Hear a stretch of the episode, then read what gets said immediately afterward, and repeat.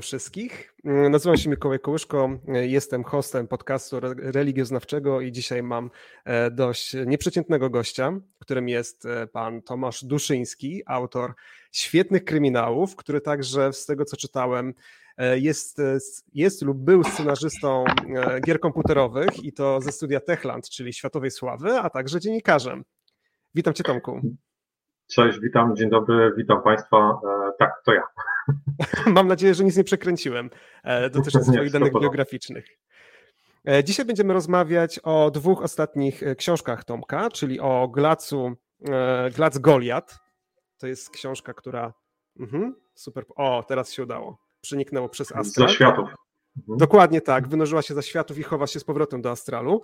E, która jest jego najnowszą książką e, i które, której akcja dzieje się na ziemi kłodzkiej, a później porozmawiamy jeszcze o nader religioznawczo ciekawej książce, która może się wyłoni z astralu. Nigdy więcej nie stawię tła. Nie ma szans. Jest, jest, fenomen jest, z Warszawy. Idealnie, idealnie, tylko trzeba było pod kątem ustawić. Chyba te kreski, a te kreski sprawiają, że ta książka zanika. To pani chce być na pierwszym miejscu. Tak który jest bardzo niezwykłą książką, e, dlatego że e, tam ten element ezoteryczno-spirytystyczno-paranormalny jest e, na samym czele. Natomiast w obu książkach jest przedstawione międzywojnie, które w pewien sposób jest naznaczone mentalnością, chyba bym powiedział magiczną. I to chyba nie byłaby przesada z użyciem takiego określenia. E, zaczynając, e, powiedz mi, twoja seria e, tych kryminałów, które wydajesz w SQN nosi tytuł, no, nosi tytuł Glac i myślę, że dla pewnej grupy docelowej jest jasne znaczenie słowa Glac, ale chyba dla 90% Polski lub tych ludzi, którzy nie czytali twoich książek, to może być zaskakująca nazwa i gdybyś wytłumaczył, czym jest Glac?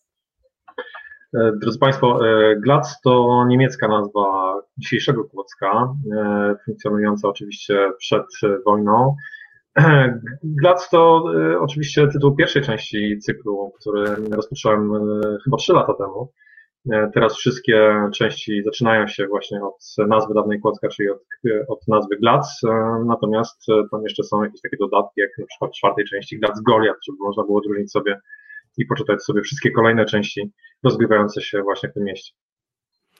E, Glac Goliat zaczyna się od bardzo ciekawej sceny. Mm, nie chcę za dużo spoilować, natomiast myślę, że to nie będzie duży spoiler, jeśli powiem, że od samobójstwa pewnego księdza, e, które jest dość niezwykłe w, w swoim przebiegu, nie zdradzając zbyt dużo. I sama postać księdza także jest e, niezwykła, dlatego że jest to człowiek, który posiada pewne wizje, które później w pewien sposób mają związek z zbrodniami, które będą mieć miejsce, dość okrutnymi, przerażającymi zbrodniami. E, I powiedz mi, czy jak kreowałeś postać tego księdza z wizjami, to mm, czy nawiązywałeś do prawdziwej historii Kłodzka, czy, czy, czy skąd w ogóle taki pomysł? E, z tymi wizjami i, i zahaczając trochę o metafizykę, e, powiem, mm -hmm. że z wizjami jest tak, że ja też miałem wizję.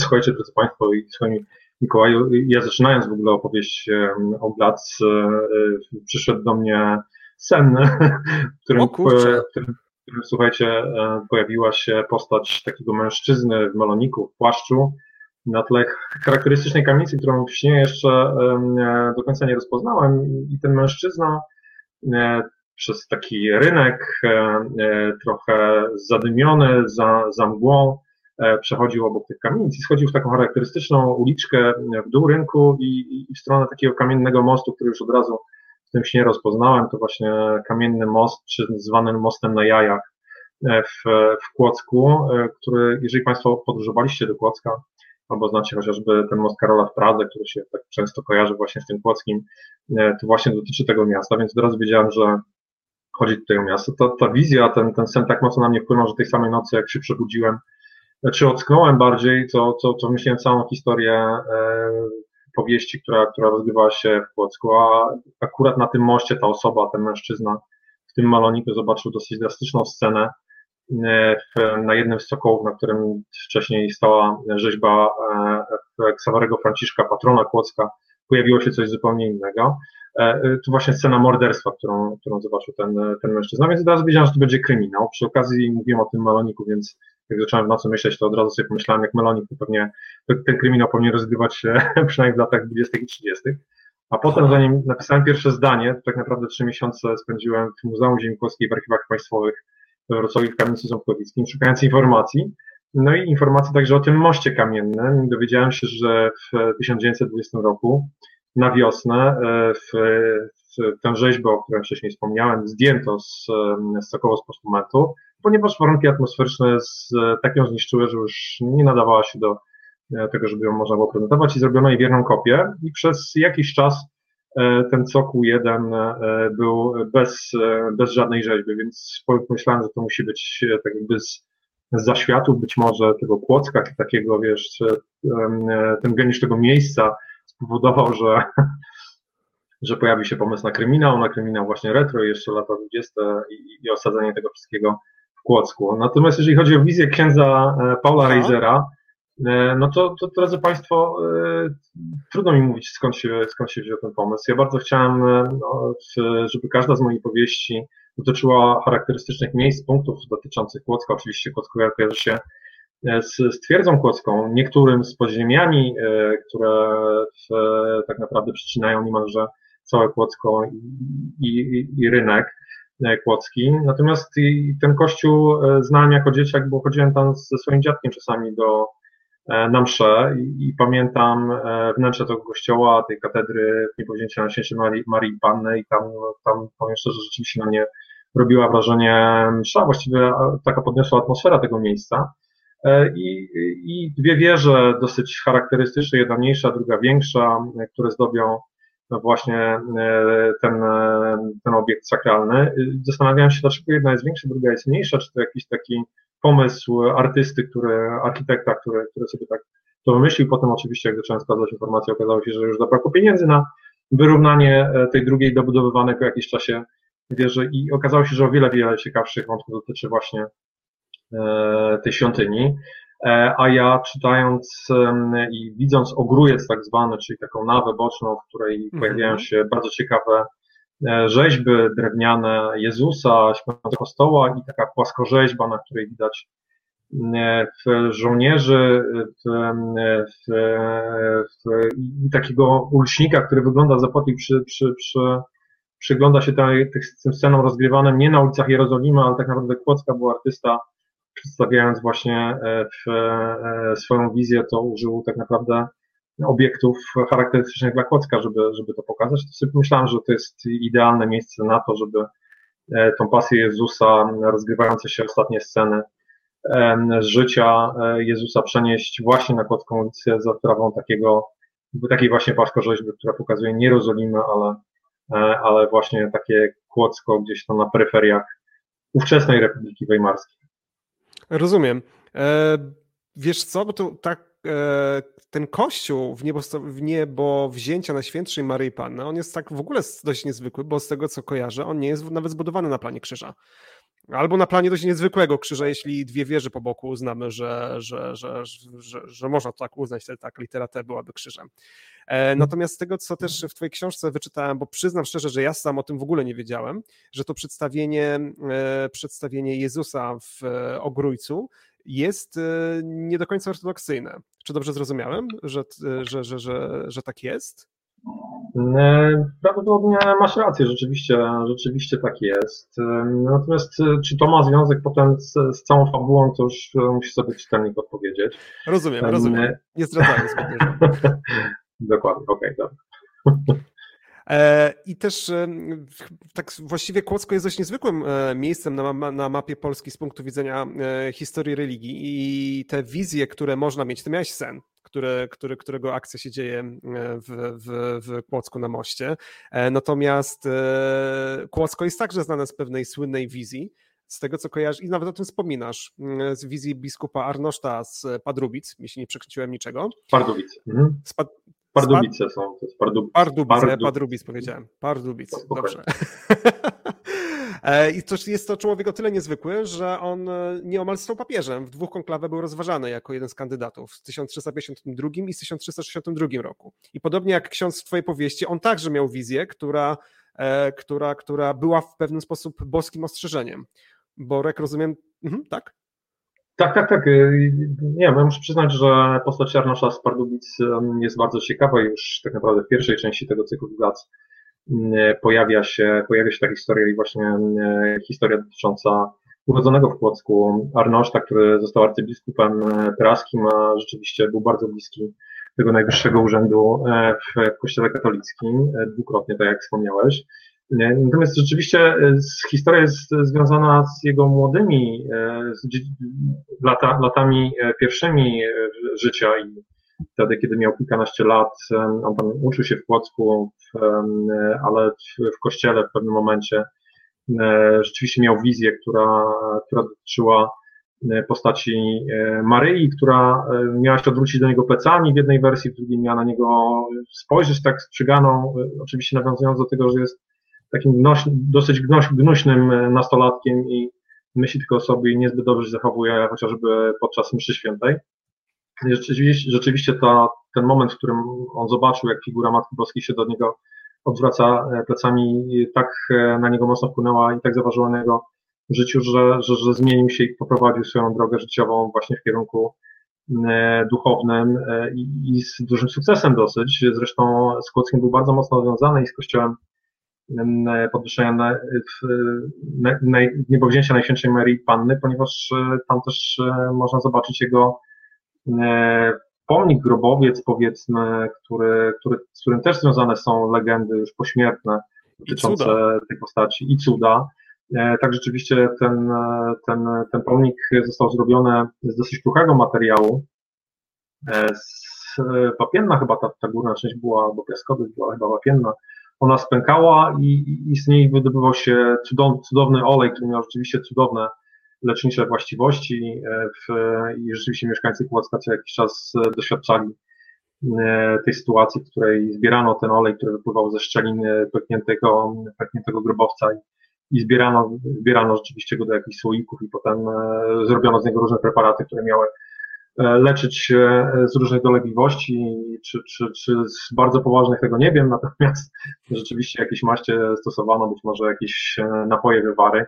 Zresztą Kłodzko słynęło chociażby z takiego balsamu jerozolimskiego, który o. apteka, tak, tak, apteka, się apteka pod Murzynem nazywało, produkowała i która też miała właściwości lecznicze, właśnie potem się dwie apteki o recepturę biły, dzisiaj to chyba balsam pustelnika się nazywa, jeśli dobrze pamiętam. I to ciągle jest w sprzedaży, tak? I w produkcji kłodzkiej? Tak, jako balsam pustelnika zdaje się. E, można to, można to nabyć. Nie, nie, nie próbowałem, nie piłem, e, być może, być może jest dobre, może jako ktoś lubi taki alkoholowy posmak, pewnie tak jak sam, sam wiesz, alkoholu dodawano zawsze, żeby, żeby coś się złego nie, nie stało przy takim preparacie. Jak się za często pije, chce się leczyć z każdej dolegliwości. No ale ta, ta historia jest bardzo ciekawa i, i, też e, postanowiłem e, przybliżać mieszkańcom Kłodzka te postaci, z którymi z Kłodzkiem są związane, czy trzy miejsca, o których czasami mm. mało wiemy. No nie, nie ukrywajmy, to jest taka specyfika tego rejonu e, Dolnego Śląska, kiedyś historycznego Śląska. Po 1945 roku przyjechała ludność, która niewiele wiedziała o tym, co działo się wcześniej. E, rozminęła się z mieszkańcami, którzy, którzy opuścili te tereny, oni też przyjechali z zupełnie innych terenów, musieli zacząć zupełnie nowe życie. No i potem kolejne pokolenia tak jakby nie miały zbyt wiele opowieści po dziadkach e, czy, czy pradziadkach, e, które, które pokazywałyby, co, jak wyglądała sytuacja przed 1945 rokiem. Więc mamy kategorię powiedzmy dziadków, którzy przyjechali, tak jak moja babcia pojawiła się w Płocku po łapance w Warszawie, została przetransportowana do Niemiec na roboty tak zwane, potem pojawiła się już e, w Kotlinie Kłodzkiej, ponieważ no, podczas okupacji warszawskiej, podczas powstania kamienica, w której wcześniej mieszkała z całą rodziną, e, no, została wysadzona w powietrze i wszyscy zginęli, więc nie miała do czego wracać, gdzie wracać do ruin ewentualnie. Pozostała w Kłodzku. Ja też za wiele o Kłodzku samym nie wiedziałem przed 45 rokiem, ale, e, mhm. ale, ale Kłodzko gdzieś tam pozostało e, dla mnie dosyć żywe i stąd e, pewnie ten sen, który się pojawił dotyczący Kłodzka i potem sama, sama historia, którą opowiadam w kolejnych odsłonach cyklu. Bo mm, tak tylko zdradzę naszym czytelnikom, że w Glacu Goliacie to jest, tam jest ciężko mi czasami mówić o pewnych rzeczach z fabuły, e, ponieważ jest tam tyle zwrotów akcji, że człowiek się czuje jakby był na rollercoasterze, jeśli chodzi o różne postacie, które się pojawiają, bo z jednej strony mamy tam, e, nie zdradzając zbyt dużo, motyw e, zbrodni wielu, seryjnych morderstw, mamy tam motyw e, szaleństwa, e, mamy motyw e, stygmatyzacji, mamy motyw przedstawień pasyjnych, które nagle stają się bardziej rzeczywiste niż pewnie większość z nas by chciała. Na chwilę nam zniknął Tomasz, ale wierzę, że on za chwilę będzie. Więc przedstawiając dalej, to Mm, oprócz tych motywów, które tutaj powiedziałem, pojawia się także motyw e, Ringvereine, czyli przestępczych e, różnych stowarzyszeń, które mm, dość szeroko występowały w Republice Weimarskiej, chociaż najbardziej znane są e, z Berlinem. Więc w tej książce mamy z jednej strony zderzenie z tej sfery sakrum, czyli zaczyna się od wizji księdza i samobójstwa e, w kościele, e, które, które, które jest dość w drastyczny sposób pokazane. Mamy wizje mistyczne, mamy szalonego malarza i to jest jakby pewnego rodzaju sfera sakrum, chociaż jest to sakrum dość takie przerażające i dość mocno niepokojące. I obok tego sakrum mamy także, e, mamy także tą sferę profanum, którą są te ring vereiny, o których mówiłem. E, więc e, cieszę się, że tam kurze jesteś z nami. Ciężko tak, tak, tak. to spotkanie bez siebie. W każdym razie e, jest tam bardzo dużo tych motywów e, i właśnie bardzo ciekawe jest to przedstawienie tego Ringvereine, ponieważ to są związki przestępcze, więc w jakiś sposób one są absolutnie po tej drugiej stronie, e, czyli można powiedzieć ze sferą profanu, ale nie do końca. Dlaczego nie do końca? Dlatego, że Republika Weimarska znana była z różnych tajnych stowarzyszeń, które miały często charakter ezoteryczny, natomiast sam być, fakt wchodzenia w to stowarzyszenie, które z jednej strony było na poły tajne, gdzie były pewne formy wtajemniczenia, występowały właśnie przy tych berlińskich Ringvereine. E, to może Tomku opowiedz nam, e, dlaczego wybrałeś akurat e, konkretny Ringvereine z Berlina do tej, do tej powieści i czy to też wynikało z twojego snu, bo bardzo dużo kolorytu daje tej książce. Za dużo chyba musiałbym tłumaczyć wszystko, gdybym wszystko tłumaczył z nami, to by było za dużo dla, dla czytelnika i dla ciebie także. Nie, ja, ja się przyznaję, że od dawna e, starałem się, żeby każda kolejna część e, cyklu Glac była inna, żeby się troszeczkę różniła. I potrzebowałem tutaj takiej przeciwwagi dla, dla historii, którą żeśmy przytoczyli wcześniej, czyli tego wątku e, wizji księdza Razera i, i, i morderstw, które odbywają się w Kłodzku, które dotyczą być może, być może nie, nie chcę wszystkiego zdradzać, w właśnie tych wizji wspomnianego księdza. E, chciałem też, żeby e, przeżyć razem ze swoimi bohaterami, czytelnikami coś, co ostatnimi czasy zaczynam coraz bardziej lubić, czyli historię bliską westernowi i mhm. takiej walce dobra ze zła, ze złem w samo południe, kiedy, kiedy już dochodzi do tego momentu kulminacyjnego i, i dwie strony idą na całość i zobaczymy, kto wyjdzie z tego obroną ręką. E, najczęściej wygrywają siły dobra, powiedzmy, tak, jak w tych westernach, e, są południe czy w jakichś innych. Tutaj, e, czy tak jest, to muszą Państwo się sami przekonać, ale rzeczywiście potrzebowałem do tej przeciwwagi przeciwnika, który będzie rzeczywiście mocnym przeciwnikiem dla moich głównych bohaterów, czyli kapitana Wilhelma Kleina i wachmistrza kłodzkiego Franca Koszeli. E, tych ringvereinów e, rzeczywiście można by było szukać dziesięciu, tak jak wcześniej rozmawialiśmy sobie, mówiłeś o nawet o wrocławskich ringvereinach, czyli, czyli tym ringvereinie z, z Breslau. E, mhm. Ja, tak jak Ci powiedziałem, pierwsze historie, które zacząłem czytać o, o właśnie tych organizacjach przestępczych dotyczyły ringvereinów berlińskich.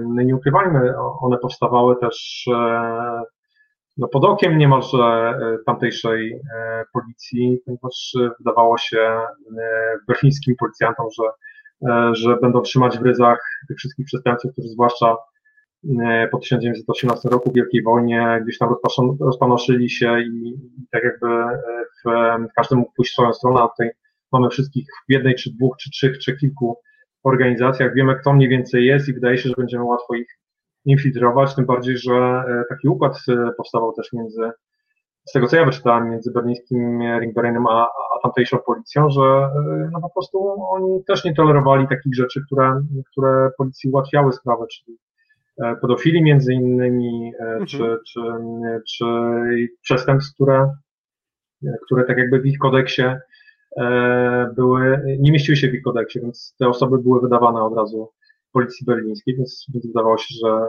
Lub trafiały do sądów ringwerejnowych, prawda? No bo czasami. Dokładnie niektóre, nie, niektóre osoby, no, te sądy miały trochę inną, inny sposób działania niż te sądy w Republice Weimarskiej. No, no, też możemy patrzeć na nasz, nasze polskie warszawskie podwórko Kecelak i Tatę Tasiemkę, tak? To też mieliśmy e, kilkunastu bandziorów, którzy mieli swoje sądy w Aleksandrówce.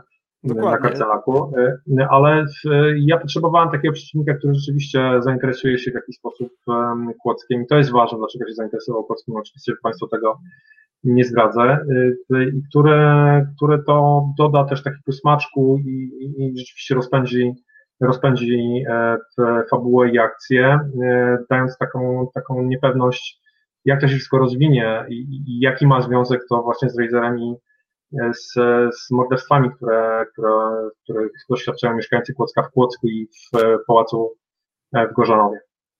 Co jeszcze dodam e, Państwu, że jeśli chcielibyście zobaczyć historię z Ringwerainami, to oczywiście polecam Glac Goliat. Natomiast jeśli chcielibyście zobaczyć film, w którym e, można zobaczyć, jak Ringweraine funkcjonuje, to polecam M jak morderca Fritza Langi, który po prostu wniknął w środowisko berlińskich Ringwerainów i obserwował, jak oni funkcjonują i starał się to dość wiernie oddać e, w filmie. A powiedz mi, czy rzeczywiście są jakiekolwiek ślady działalności Ringwerainów w Kłodzku, czy to już była licencja poetyka u Ciebie? E, nie, to licencja poetyka. Myślę, że e, starałem się mocno w fabule uzasadnić tę potrzebę Ringwerainów zawitania właśnie do zakątka Pana Boga, jak to nazywano Kotlinę Kłodzką w tamtym czasie. No ale, nie, ale prawda jest też taka, że, że, że Kłockiem interesowano się dosyć mocno. Słuchaj, kiedyś w archiwum państwowym odnalazłem takie pismo ze znanej firmy Henkel, producenta proszku Persil, znanego także dzisiaj, w którym to mhm. piśmie proszono magistrat Kłodzko-Polickiego policji o to, żeby można było aktywować akcję promocyjną na ulicach Kłodzka i rzeczywiście hostessy ubrane na, na biało, mężczyźni z parasolami białymi w dłoniach z proszku Persil, z ulotkami i z e, takimi próbkami proszku podróżowali po Kłodzku, bo, bo taka zgoda została e, wydana i, i rozdawano te, te, te, te ulotki. E, I w tym uzasadnieniu, dlaczego wybrano Kłodzko, właśnie pisano, że Berlin, Hanower, największe miasta Republiki Weimarskiej, ale jedno miasteczko, na którym bardzo, bardzo im zależy, to właśnie jest ówczesny Glac i, i, i rzeczywiście tak się stało. Powiem szczerze, że ja to opowiadam na spotkaniach autorskich, dostałem od jednego z czytelników takie zapytanie, bo przeczytał mhm. Glac, miłośnik Kłodzka, mówi świetnie, no wiele rzeczy pan sprawdził, ja też to sprawdziłem, akurat mam też taką wiedzę, tutaj idealnie, ale jedno mi nie daje spokoju z, z tym Persilem, to tu pan z, jakiś dzisiejszych od, odnośnik jakiś do, do akcji nauczycieli Wrocławia Strzelina, ten proszek Persil, czy pan pojechał za bardzo? No to nie pojechałem, rzeczywiście tak było, więc e, dlaczego miałby się berliński ring przy dobrym układzie nie zainteresować też E, Kłodzkiem, no to już licencja poetyka, tak jak zauważyłeś. No rozumiem, e, ale aczkolwiek przyznaję, że to jest do, bardzo dobrze uargumentowane w książce, e, nie zdradzając zbyt dużo. A powiedz mi, jeśli chodzi o tą mistyczno-ezoteryczny mm, w ogóle klimat tej, tej całej epoki i tej ziemi kłodzkiej, albo jeszcze jedno pytanie ci zadam. Czy te przedstawienia pasyjne w Gorzanowie rzeczywiście się odbywały, które, które portretujesz w swojej powieści? Tak, tak, tak, dokładnie. Drodzy Państwo, nawet jeżeli poszukacie w internecie, czy nawet na moim Facebooku znajdziecie zdjęcia, e, które robione były podczas e, teatru letniego, bo teatr letni był w, w Gorzanowie i rzeczywiście na te przedstawienia pasyjne e, zjeżdżały się tysiące mieszkańców Płocka, okolicy Gorzanowa i nie tylko Kotliny. Przyjeżdżali też z Republiki Weimarskiej dziennikarze, tego co wyczytałem, e, także dziennikarz e, londyńskiego Timesa był e, obecny, więc opisywał to. I, I, rzeczywiście takie przedstawienie, w takim przedstawieniu brał udział 100 albo nawet 200 aktorów, jeżeli dobrze pamiętam.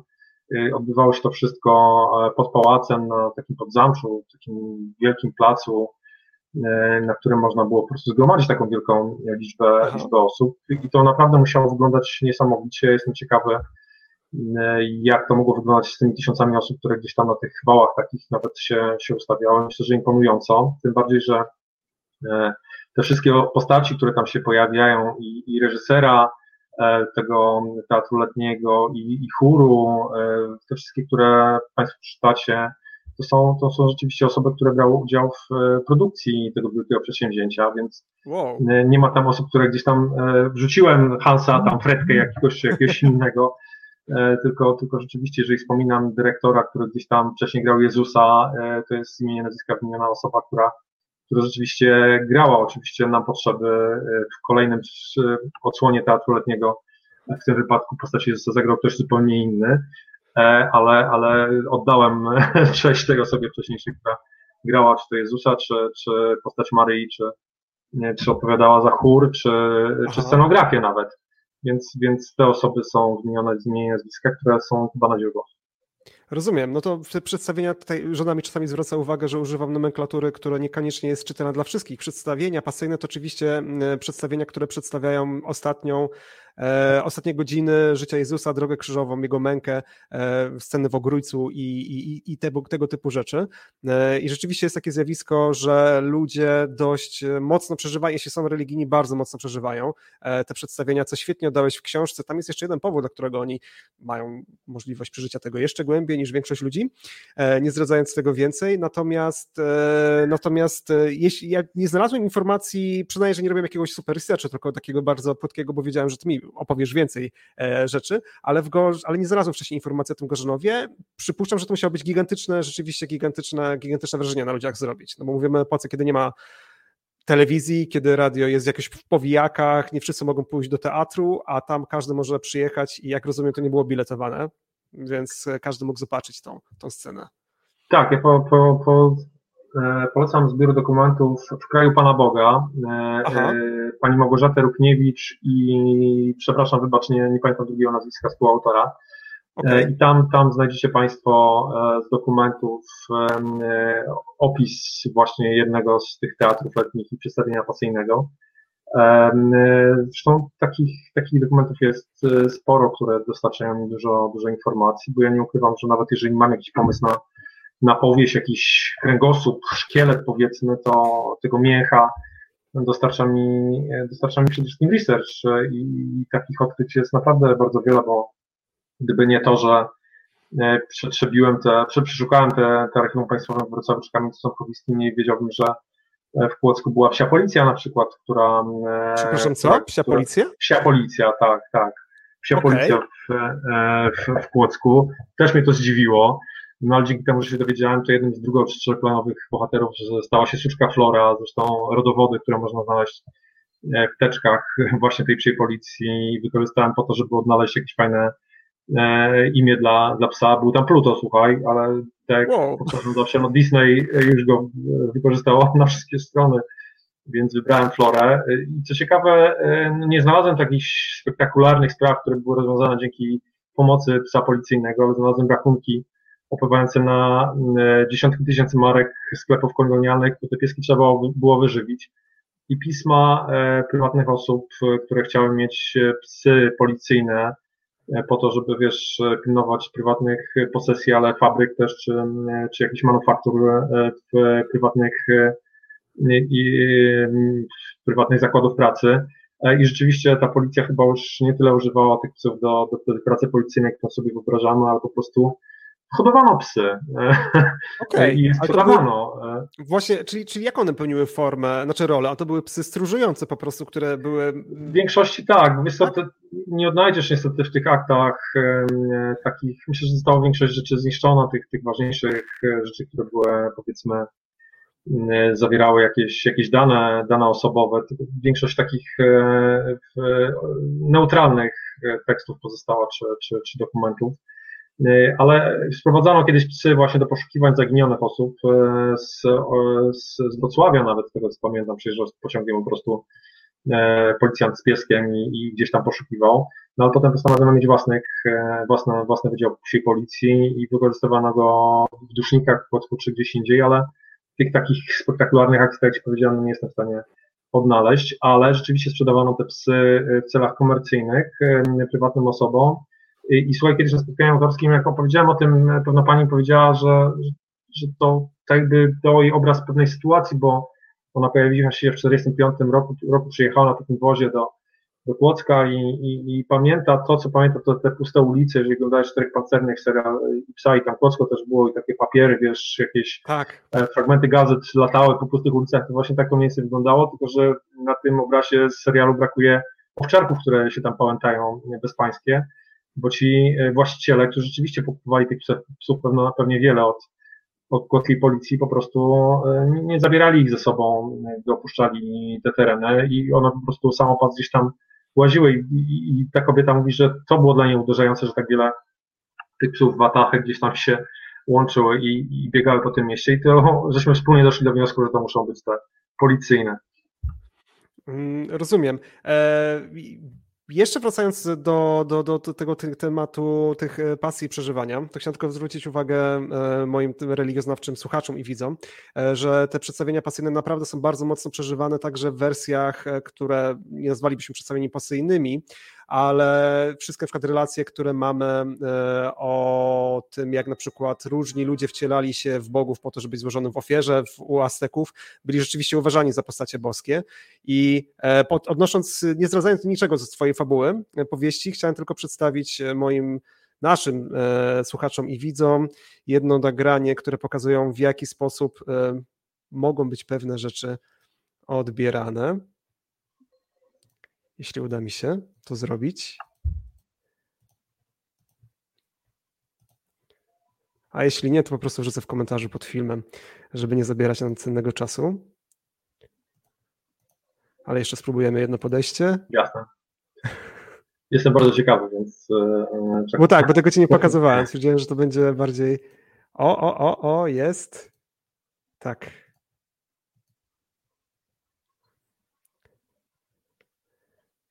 To nie był element spektaklu. E, dla naszych słuchaczy. To w Płocku nagrywałeś w 23 roku, tak? Znaczy w Bożanowie dokładnie.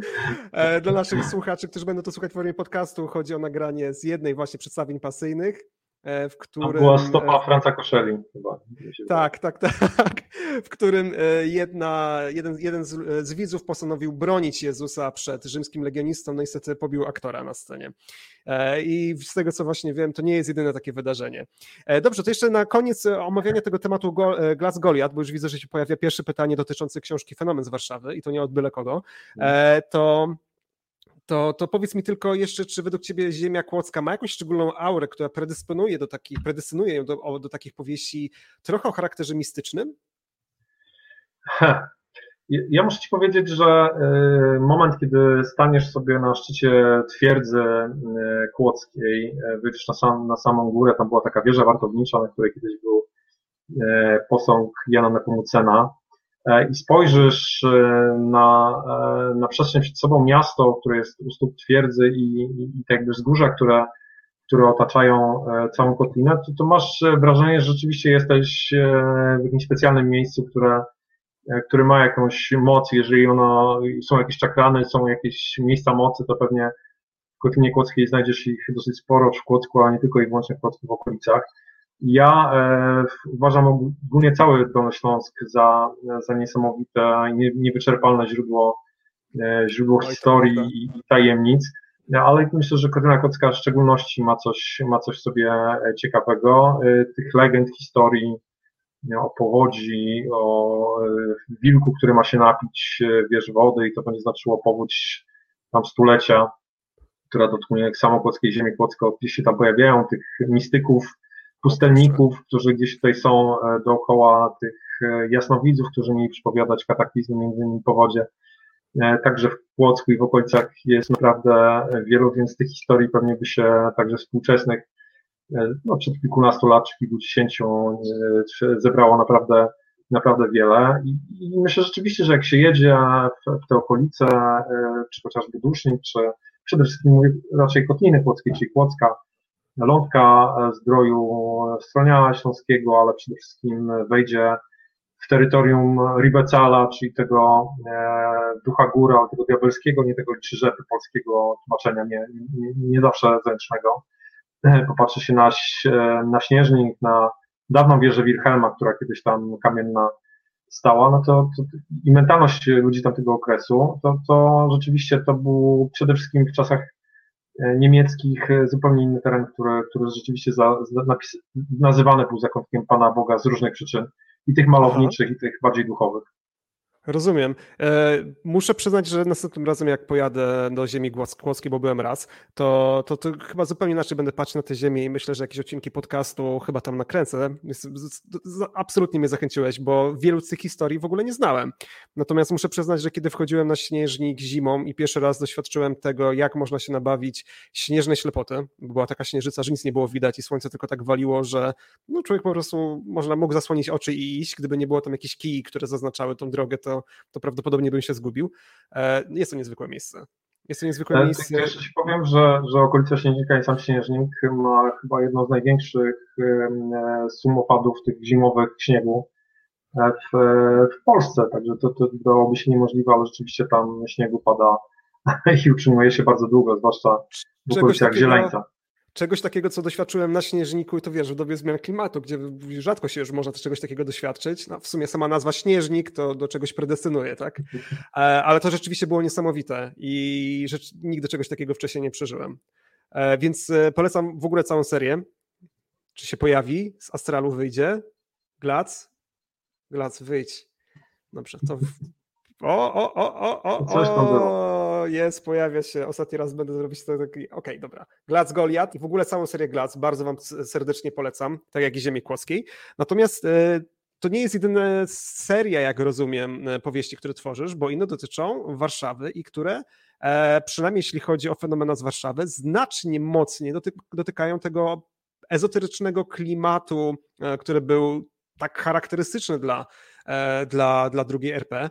E, więc e, tutaj chciałem wspomnieć o Twojej książce, która na początku pojawiła się na Storytelu, jak rozumiem, a teraz została wydana przez wydawnictwo SQN Fenomen z Warszawy, która na, jeśli ktoś ogląda nas na YouTubie, to raz się pojawia, raz znika z Astralu. O, pojawiła się.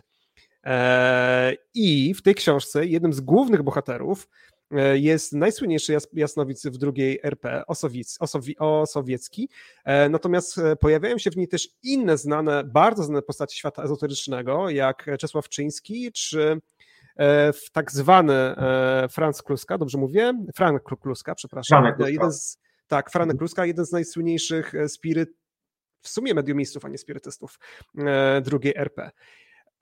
E, I mam, pozwól, że mm, zanim przejdziemy do omawiania całej powieści e, z punktu widzenia takiego religioznawczego, to pozwolę sobie e, pokazać jedno pytanie, które się pojawiło od doktora Zbigniewa Łagosza, który chciał Cię zapytać, skąd zainteresowanie osobą Czesława Czyńskiego, ponieważ ona pojawia się w tej powieści. Tutaj dodam, że doktor Zbigniew Łagosz napisał biografię Czesława Czyńskiego i jest chyba najlepszym specjalistą, jeśli chodzi o tą postać w Polsce. Ja przyznam, że przede wszystkim e, na początku zainteresowała mnie postać Józefa Piłsudskiego i jego wiara w e, zjawiska nadprzyrodzone, zjawiska, których nie da się do końca wyjawić. Potem jakby idąc tym łańcuszkiem pewnych wydarzeń, pewnych wątków dotyczących Piłsudskiego trafiłem na Stefana Osowieckiego i, i przede wszystkim chyba ta postać najbardziej e, zauroczyła mnie też w okresie międzywojennym i najwięcej chciałem się o niej dowiedzieć, e, a uczyniłem ją także jednym z dwóch głównych bohaterów e, cyklu też trylogii zamkniętej Fenomen z Warszawy. E, zresztą Stefan Osowiecki był nazywany Fenomenem z Warszawy właśnie. Natomiast Czesław Czyński w, przy okazji kolejnych badań, kolejnych poszukiwań dotyczących Osowieckiego, ale też w tamtego okresu wierzeń, metafizyki, spirytualizmu. No, no, chcąc e, dowiedzieć się jak najwięcej, musi się trochę, trochę poznać e, historię o Janie Guziku, czy e, Franku Kruskim, czy, czy o Czesławie Czyńskim. To jest postać Czesława Czyńskiego, no, chyba bardziej, no, na pewno bardziej negatywna niż, niż wcześniej wymienionych postaci. Na pewno z gorszym PR-em, to, to w 100%. z gorszym PR-em w 100%. Magnetyzer, Między innymi człowiek, który chyba miał duże powodzenie u kobiet, hipnotyzer, między innymi e, z tego, co, co wyczytałem, być może pan Zbigniew potwierdzi, e, potrafił zahipnotyzować wiele kobiet wprowadzić je na, na złą drogę i wykorzystać przy okazji na różny sposób. No ale jeżeli chodzi o, o te polskie podwórko, e, kiedy, kiedy pojawił się w Polsce po, po podróżach po wielu krajach świata, człowiek wykształcony, znający pewnie kilka przynajmniej języków, no, stworzył sektę, która przyciągnęła wielu młodych ludzi, studentów studentki Uniwersytetu Warszawskiego między innymi. I tak rzeczywiście namącił im w głowach, że, że te studentki brały udział w orgiach, ale, ale też popełniły samobójstwo. Byli także studenci, którzy rzeczywiście też strzelali sobie w, w głowę z pistoletów, kończąc swój żywot, próbując pewnie wcześniej wezwać Babhometa, diabła, szatana, e, tak jak to e, próbowano udowodnić Czesławowi Czyńskiemu. E, tak jak powiedziałem, no nie, nie interesował mnie Czyński, natomiast bardziej ta konfrontacja Osowieckiego, który jednak był po tej jasnej stronie, stronie mocy bardziej z osobą, która, która miała tak zły PR w, w okresie międzywojennym, mówię tutaj o Czesławie Czyńskim, no bo Osowiecki, nie ukrywajmy, raczej miał PR dobry jako celebryty chyba tamtych czasów. To z pewnością, e, że Czesław Czyński to mu, e, szczerze mówiąc, nie jestem takim specjalistą, żeby powiedzieć, co było prawdziwe z tego, co mu przypisywano, a co było czarnym PR-em i pewną antysatanistyczną histerią e, w drugiej RP. Może nie taką silną, jak później się pojawiła w Stanach Zjednoczonych, ale jednak też no. Natomiast tak, rzeczywiście były też e, przypadki e, dość e, negatywnych historii z Czesławem Czyńskim. Dodam też od siebie, że osoby, że Czesław Czyński był tak nieszablonową postacią, że były osoby, które potrafiły się w nim absolutnie zakochać i pisać o nim same pozytywy, a później stać się jego zaciekłymi wrogami. Takim, taką osobą na przykład był Stanisław Wotowski, który, który w swojej książce o okultyzmie i magii z jednej pisze o nich same, pisze o nich same superlatywy, no a wiemy, że później e, był jego największym wrogiem, jakiego sobie można wyobrazić. E, tutaj doktor e, Zbigniew Łagosz napisał raczej mniej siły sugestii, a więcej siły szantażu, jeśli chodzi o kobiety. Okej. Okay. Natomiast orgie samobójstwa, zwłaszcza w pryzmacie satanizmu, niestety bez pokrycia w faktach. E, czyli to, no ale PR też rzeczywiście taki miał, bo te informacje, jeśli Zbigniewu potwierdź, potwierdź mi, jeśli się mylę, ale one szeroko szły w prasie. Chyba w tajnym detektywie były dużo informacji o, o tym, co Czyński miał zrobić.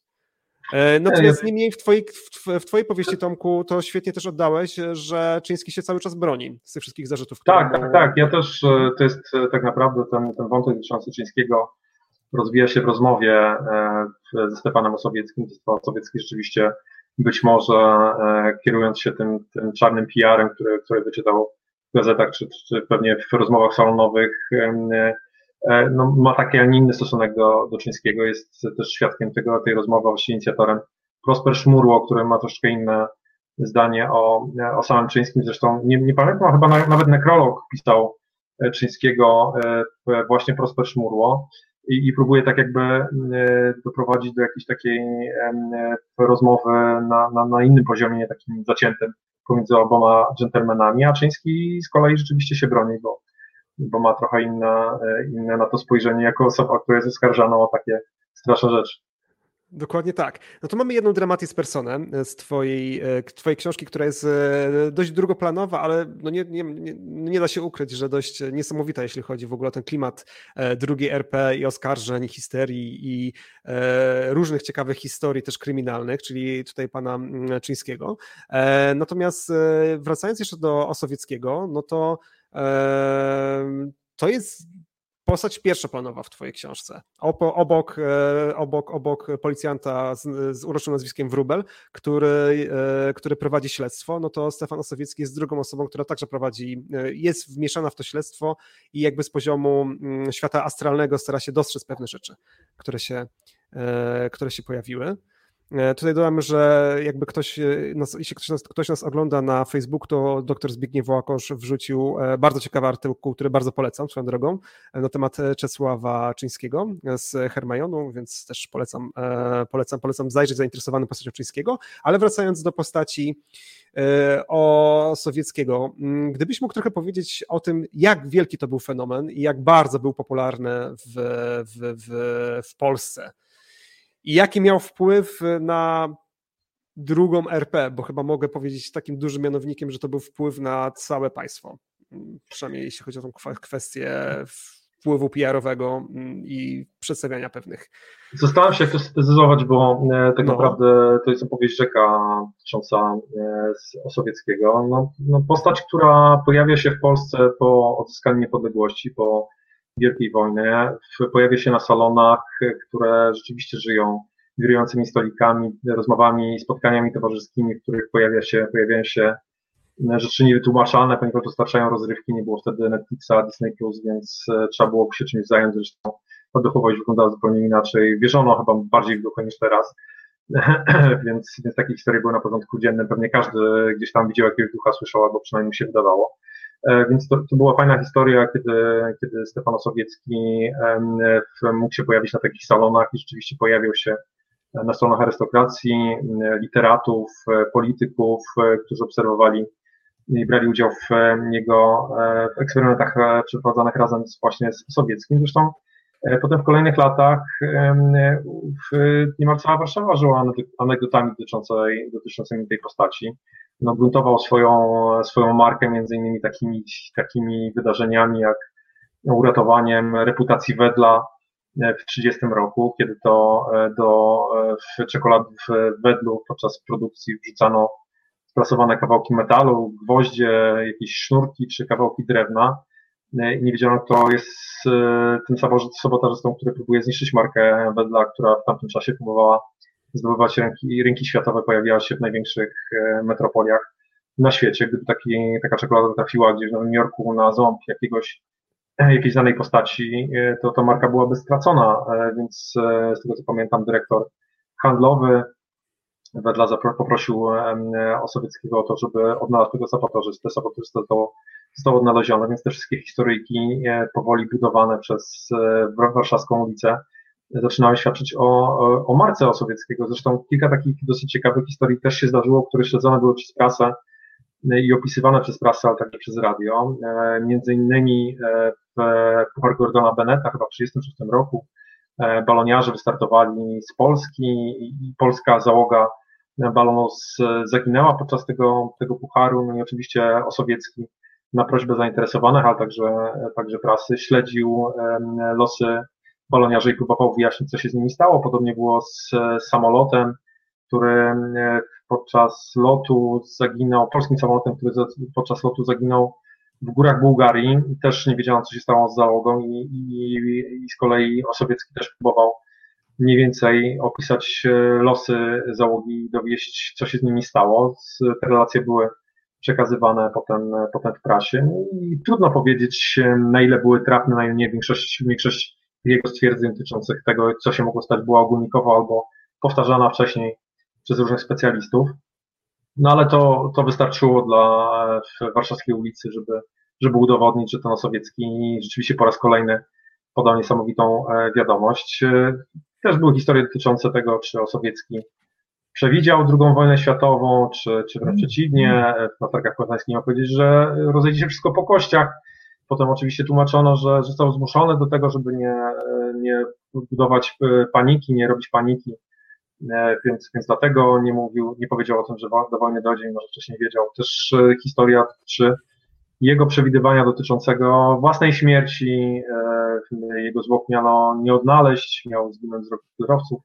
Taką wizję też podobno miał mieć. Natomiast mnie często pytają na spotkaniach autorskich teraz przy fenomenie Warszawy, czy, czy ja uważam, że Osowiecki miał zdolności, e, o których wcześniej mówiliśmy, czy, czy jasnowidzenia, czy, czy innych, które, z których, których słynął bilokacji chociażby i, i powiem szczerze, że trudno mi na ten temat odpowiedzieć. Ja nie patrzę, nie, nie staram się rozstrzygać tego jako ja czy, czy takie zdolności miał, czy nie. Ale jedna rzecz mnie zastanawia, bo e, w momencie, kiedy w 1939 roku rozpoczęła się druga wojna światowa dla nas, wkroczenie Niemców do Polski, okupacja Warszawy, potem, potem powstanie warszawskie, Stanisław Sowiecki tak naprawdę miał wielokrotnie możliwość opuszczenia Warszawy, opuszczenia Polski i pewnie życia bardziej bezpiecznego, nawet w jakimś kraju poza E, poza Polską, e, to tego nie zrobił i, i rzeczywiście te tłumy osób, które przychodziły do, do jego domu e, po poradę, po, po to, żeby dowiedzieć się, co stało się z bliskimi, czy, czy ktoś nie żyje, czy ktoś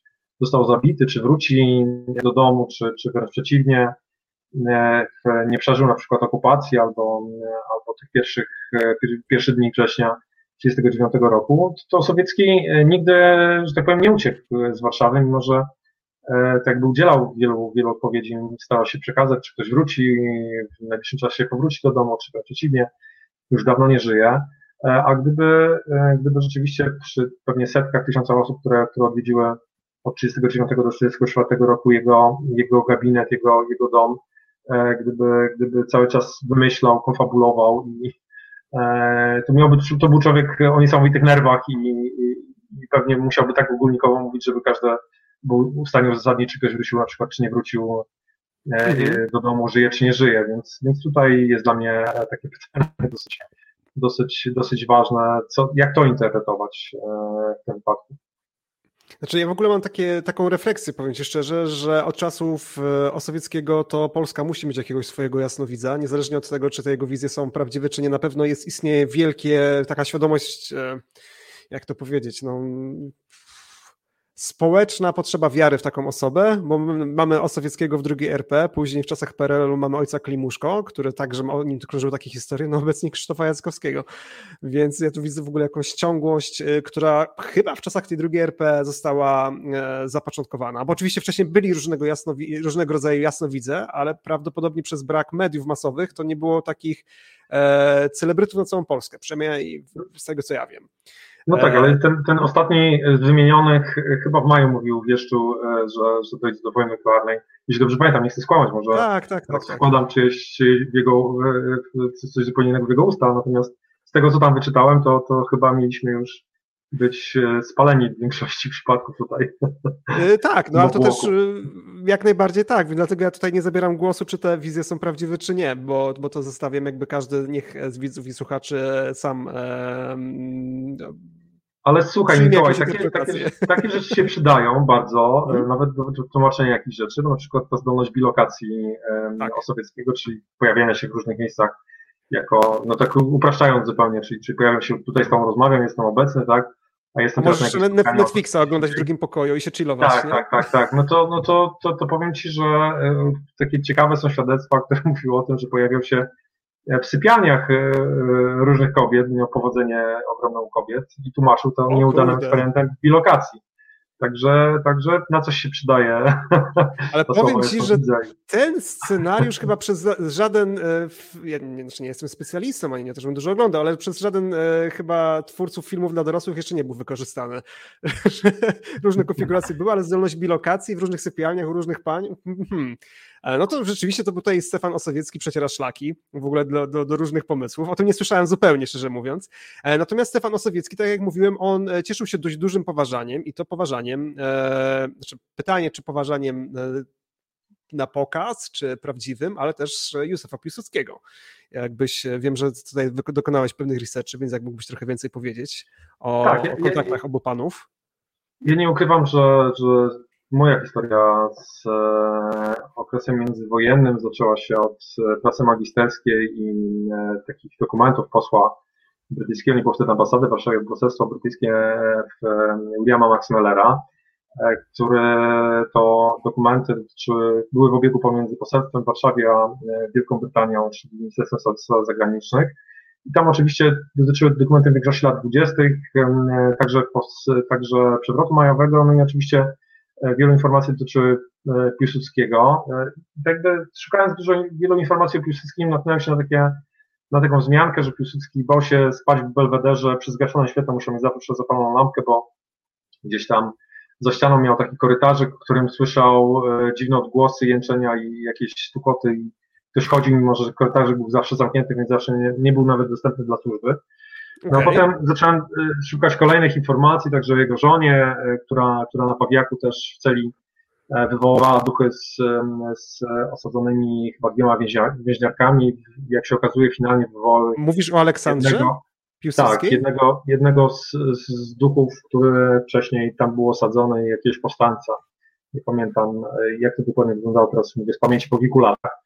E, I, i tak jakby kolejne, kolejne informacje gdzieś tam zaczęły wpadać, bo zacząłem się interesować tym tematem, czyli właśnie ta znajomość, koleżeństwo, nie, nie tyle przyjaźń, ale rzeczywiście tak początkowo przynajmniej duża, duża znajomość oparta na wzajemnym szacunku pomiędzy Piłsudskim marszałkiem, a Stepanem Sowieckim. To były te pierwsze lata, kiedy Osowiecki tak zdobywał, robił swoją markę, wyrabiał swoją markę na warszawskich salonach, więc panowie też przeprowadzali wspólne eksperymenty. Jeden z nich e, to był eksperyment telepatyczny między innymi.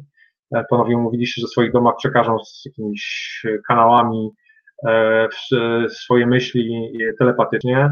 No i rzeczywiście Osowiecki skoncentrował się bardzo mocno. Zaczął oczywiście ten eksperyment telepatii, przekazując jakąś wiadomość marszałkowi, nie do końca chyba sprecyzowana, bo wtedy do pokoju weszła żona Osowieckiego i przerwała mu ten eksperyment, krzycząc na to, że marnuje światło i, i w tej zatęchłej norze e, tak naprawdę jest tak wilgotno, że, że człowieka wszystko boli. E, I chyba nawet Sowiecki wtedy pomyślał sobie, że, że właśnie był chyba e, łokieć. No i był pewny nasz inżynier, że eksperyment się nie powiódł, bo już był tak roztrzęsiony tym wejściem żony i tymi kolejnymi bieleniem, że, że, że postanowił przerwać eksperyment, poszedł spać, a na drugi dzień został wezwany chyba do ministra Patka, jeżeli dobrze pamiętam, i, i rzeczywiście e, już z wejścia Piłsudski miał powiedzieć, że wie, wie, że tam łokieć boli, że tam e, jakieś tam kłopoty z zatąchłą norą, więc, więc niby e, dokładnie przekazał to, co, to, co się miało. W głowie Osowieckiego dziać w momencie wejścia żony. Też eksperymenty były z odczytywania zakrytego pisma pomiędzy oboma dżentelmenami. Kilka anegdotek było, jedna dotyczyła rozstawienia figur szachowych, czyli tam wiesz, tam A4, B4, C16, to oczywiście strzelam, czyli w ogóle nie ma nic związanego z prawdziwym składem e, pionków na, e, na szachownicy. E, I to miało odczytywać Osowiecki, ale jedna z tych anegdotek mówiła o tym, że, że, że odczytał, że jest tam napisane po całym nie dupę.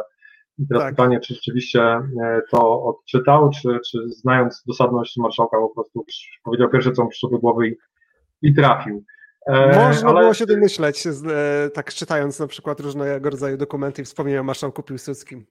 No tak, kończąc, tak, tak kończąc, to, to drogi obu panów zaczęły się rozchodzić po przewrocie majowym i oczywiście kolejnych działaniach marszałka to nie odpowiadało Osowieckiemu, który, który uznał, że, że to nie jest ta droga, którą powinien, powinien iść kraj i, i, i sam marszałek. Mm, okej, okay. natomiast e, jeśli chodzi jeszcze o postać Józefa Piłsudskiego, to tak jak rozmawialiśmy przed spotkaniem, to chyba nie wiem, czy wszyscy e, słuchacze podcastu tego spotkania i nasi widzowie wiedzą o tym, że e, marszałek Józef Piłsudski sam twierdził, że posiada pewne e, po pierwsze moce, po drugie bardzo często korzystał z różnych technik dywinacyjnych, które pomagały mu podjąć e, decyzje. Najpopularniejsze to było ustawianie pacjansów, które jeśli mu wyszły, to znaczyło, że może pewne e, rzeczy dokonać, e, że pewne rzeczy powinien zrobić i on autentycznie w to, w to mocno wszedł, nieważne jak bardzo irracjonalny to był pomysł. Że to, to muszę mi... No? Mhm. No to muszę Ci Mikołaj powiedzieć, że, że tak, on nawet potrafił, bardzo mu się chciał opalić, nie pamiętam, czy chyba zapałek miał, to zmaterializował zapałki gdzieś na swoim biurku, że wcześniej ich nie było, a potrzebował ich tak mocno, więc e, dzięki koncentracji miał je cud, zmaterializować, ale muszę Ci powiedzieć, e, że, że tak naprawdę pierwszy raz wątek Piłsudskiego i nawet Sowieckiego pojawił się w innej mojej powieści, nie, nie każdy Aha. zapewne ją czytał, to jest fantastyka też wydana, wydana w wydawnictwie SQN, e, nazywa się Impuls i tam rzeczywiście e, jest to historia alternatywna e, polskiego okresu międzywojennego i są tam takie wspomnienia marszałka, e, które tak jakby pokazują, dlaczego poszła Polska zupełnie inną drogą historii, tak? Stąd ta alternatywna wersja historii Polski i miało na to wpływ właśnie to podejmowanie decyzji pod wpływem Pasjansa, tych tak? pasjansów, ale nie tylko, czyli podszeptów jakiejś tej drugiej strony duchów zwał jak zwał i tylko pytanie tam dotyczyło tego, czy, czy to są rzeczywiście te duchy wywołane przez Piłsudskiego, czy wręcz przeciwnie obcy wywiad, który wykorzystuje słabość marszałka po to, żeby e, pokierować losami Polski tak, a nie inaczej. Więc to akurat tego ciekawostka powieści Impuls patrząc na to, jak trochę przyglądam się różnym środowiskom ezoterycznym i widzę wpływy e, za wschodniej granicy na, na, różne polskie środowiska, które wpływy są dość mocno rosyjskie, to byłbym w stanie uwierzyć w to, że, że, że i wcześniej tak było i że to jakaś długoletnia tradycja.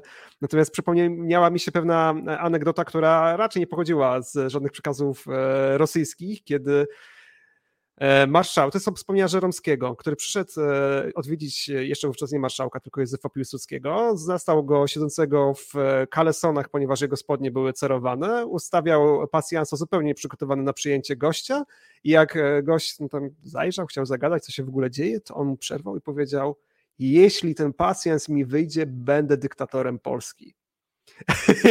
I wyszedł, więc coś tam się spełniło. E, co, to chyba zrobił to e, tylko dla zabawy, bo e, to, że będzie znaną postacią, być może dyktatorem polskim, miał przewidzieć Piłsudskiemu tak naprawdę cyganka gdzieś tam o wiele, wiele, wiele wcześniej, ale jest ciekawostka dotycząca Piłsudskiego Sowieckiego jest taka, że... z tego co pamiętam, to nawet tak, nie wiem, tak, czy to była tak. cyganka, czy to była jakaś e, bardziej no lokalna osoba, ale powiedziała, ona się go przeraziła, bo ona zaczęła mu wrócić tak. i się przeraziła, powiedziała, ty będziesz carem, nie chciała z nim już gadać. Przynajmniej tak, tak twierdził tak, Józef tak, Piłsudski, bo to jest relacja, którą znam e, z, z, z tego, co on opowiadał. Tak, ale zmierzam jeszcze do tego, że, że istnieje też taki wątek w którym mówi się, że Piłsudski proponował, e, żeby Osowiecki działał w wywiadzie i w ambasadzie gdzieś tam w Berlinie e, miał objąć jakąś, jakąś posadę, pozycję jakąś mieć dosyć ważną, ale Osowiecki miał odmówić, powiedział, że, że nie, nie, nie, nie pozwolą mu długo żyć na tej placówce i dlatego odmówił, a miał podobno e, tam przekazywać jakieś ważniejsze informacje i infiltrować to, to środowisko. E, niemieckie. No patrząc na to, co, co, co, co Himmler, e, w jakie bardzo wielkie szurstwa potrafił wierzyć i gdzie widział zagrożenia, to jest to możliwe, że, że, że, że Osendowskiego by próbował, e, e, przepraszam, źle powiedziałem, Osowieckiego, e, potrafił, pewnie mógł, chciałby z, zlikwidować, gdyby się dowiedział o tym, że to jest osoba, która ma takie, tak, takie, takie moce. Chociaż z drugiej strony też w tym środowisku byli sceptycy. Przecież była jedna z większych akcji, chyba o tym Goebbels pisał, e, że zrobili wielką akcję zamykania, w, e, zamykania, zamykania wszystkich jasnowidzów, którzy, których tam mieli pod obserwacją i w pamiętniku zapisał z dużą dozą ironii, że żaden z nich nie przewidział tej akcji. Natomiast e, tak, no rzeczywiście to były, Osowiecki jest w ogóle niesamowitą postacią. E, przyznam szczerze, że historie o nim zrobiły na mnie o wiele lepsze wrażenie niż jego książka, bo on napisał jedną książkę, Świat mojego ducha, gdzie ilość błędów tak, tak, i wizję przyszłości, tak. Natomiast ilość tam, e, no, ona jest napisana w porządku, jeśli chodzi w ogóle o epokę i tego, jak pisano różnego rodzaju książki teozoficzno-okultystyczne, tak. Natomiast e, jeśli chodzi o różnego rodzaju religioznawcze, sprawdzenie pewnych faktów, które on tam pisze, no bo istnienie pewnych postaci, czy ich nauk było faktem, no to już pozostawia dużo wątpliwości, więc bardziej... No, jeżeli on podróżował, sprawdzał co na Marsie, chyba on też, bo Agni Pilchowa też miała tam przewidywania dotyczące życia na innych planetach, ale on też o, tego zupełnie nie znam. Ale bardzo, bardzo ciekawe e, w tej książce wydanej już w kolejnych wydaniach, gdzie, gdzie Zofia Osowiecka razem z Pasierbem, bo, bo nie miał e, syna e, sam Osowiecki, to był, to był syn, syn, syn żony, wydali, wydali książkę razem z tymi świadectwami osób, które, które brały udział w tych eksperymentach, bo Osowiecki tam, tam coś im przewidział. To są ciekawe, ciekawe relacje, gdzieś tam były dołączone na końcu, nie wiem czy akurat też czytałeś to, to wydanie, czy nie? Nie, nie, nie, tego nie czytałem, ale to już, to już to, to jest bardzo ciekawe. Tak, tak, tam są, tam są właśnie takie, takie relacje osób prywatnych, które e, na prośbę właśnie e, żony Osowieckiego i, i Pasierba tak by wysłały listy z, z tym, jak, jak wyglądały ich doświadczenia z Osowieckim. Tam jest bardzo, bardzo fajnych, bardzo ciekawych e, relacji to będę musiał tego na 100% poszukać. E, I powiem Ci szczerze, że bardzo mi się w ogóle podobało, jak Osowieckiego sportretowałeś w fenomenie z, z Warszawy, że jest to postać, która naprawdę ma różne też wątpliwości na temat swojego daru i to wydaje mi się, że dość bardzo, nie wiem czy to wziąć z jakichś tekstów źródłowych, ale wydaje mi się, że to, że, że to jest rzeczywiście coś takiego, z czym on się trochę borykał, eee, gdzieś tam opierając się na pewnych innych tekstach, które, które, które o nim czytałem. Ja nie ukrywam, eee, że starałem się też między wierszami czytać. E, e, także tę książkę, o której wspomniałeś, Zawickiego, troszeczkę inaczej patrzyłem na nią, właśnie próbując tak by pomiędzy wierszami odczytać to, jaki on miał stosunek do tego, co się z nim dzieje mhm. i jak, jak on sam to interpretuje, jak, jak przyszło mu z tym żyć.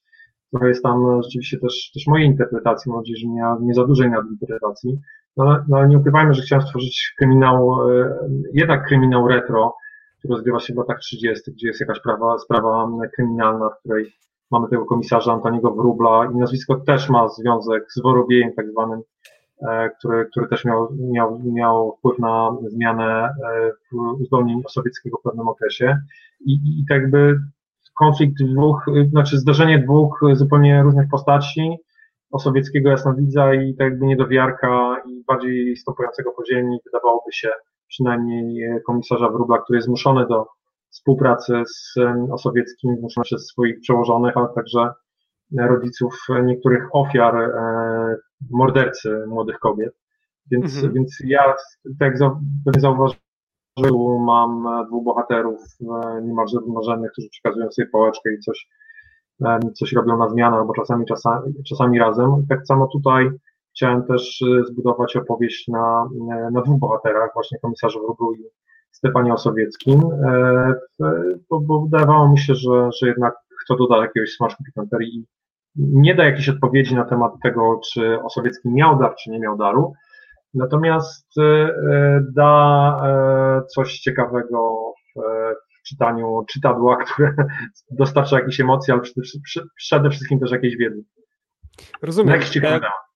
No, powiem Ci, że dla mnie ta powieść, e, no, też nie ukrywam, że jako osoba, która, która, która jest religioznawcą, to dla mnie to było fenomenalne e, czytać fenomen z Warszawy, e, bo bardzo ciekawie to przedstawiłeś. A powiedz mi ten pomysł, nie zdradzając w ogóle, mam nadzieję, że to nie jest, to nie jest spoiler, powiem, bo nie powiem co, gdzie i jak, ale pojawia się tam pomysł pojedynku w, na planie astralnym. I to zupełnie jest licencja poetyka, czy to, to skądś wyciągnąłeś? E, nie, nie, to jest licencja poetyka. E, też no, zastanawiałem się, poszedłem na całość, nie ukrywam, bo chciałem stworzyć coś innego niż tą serię cykl Glac. Historię, w której rzeczywiście dotykamy czegoś niedotykalnego i próbujemy poznać coś, co co w latach 20-30 wzbudzało bardzo wiele emocji e, i było badane przez, przez profesorów różnych uniwersytetów, nie, niekoniecznie uniwersytetów no-name, ale bardzo znanych jako zjawiska, które da się wytłumaczyć racjonalnie być może i zbadać i, i w jakiś sposób e, powtórzyć, e, więc, więc było to dla mnie dosyć ważne, żeby stworzyć powieść, która, która takich emocji po prostu dostarczy, już nie, nie rozwijając dalej. Wiesz co, bo e, ogólnie nie wiem, to nie, być może cię zaskoczy, a być może nie. E, takie pojedynki w czymś, co przekładając to na zachodni język ezoteryczny można byłoby nazwać planem astralnym, rzeczywiście się odbywają e, wśród szamanów Ameryki Środkowej, którzy po zażyciu pewnych substancji halucynogennych wyobrażają sobie, że stoją na rąbach i jeden z drugiego próbuje zrzucić. W rzeczywistości leżą oni na hamakach i wykonują tam siłą mocy, starają drugiego przewrócić.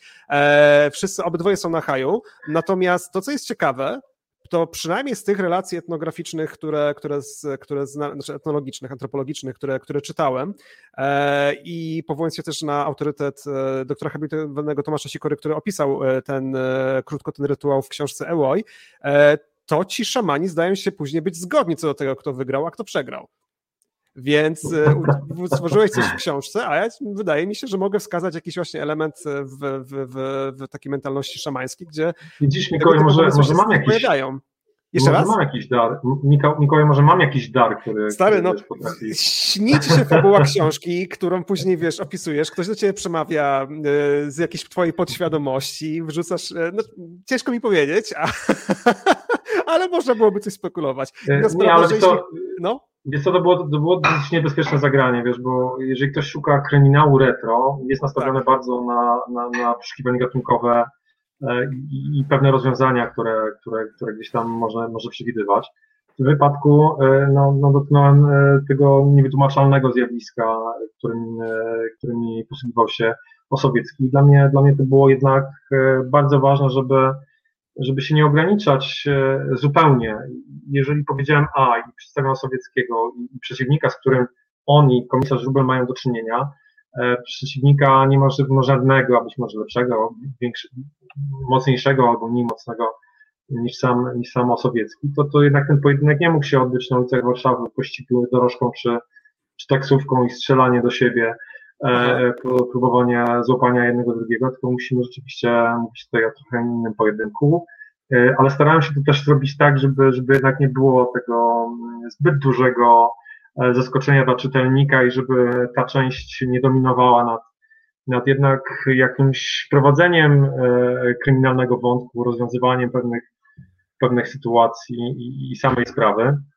Natomiast bardzo chciałem rozwiązać, nie mogę nic powiedzieć, to jest właśnie ten problem, E, tę końcówkę tak jak rozwiązałem i, i fajnie, że, że, podchodzą do mnie czytelnicy i jednak, mimo że też nie spodziewali się, że, że Osowiecki, że, że będzie jakaś, jakiś pojedynek troszeczkę innym, inna, inny, inaczej sobie być może mogli to wyobrażać, to jednak samo rozwiązanie e, wydało mi się jak najbardziej e, satysfakcjonujące teraz, ale dwa logiczne. To znaczy to prowadziło do tego, więc Aha. E, no nie wiem, trudno jest, wiesz, mówić o czymś, o czym nie chce się za dużo powiedzieć.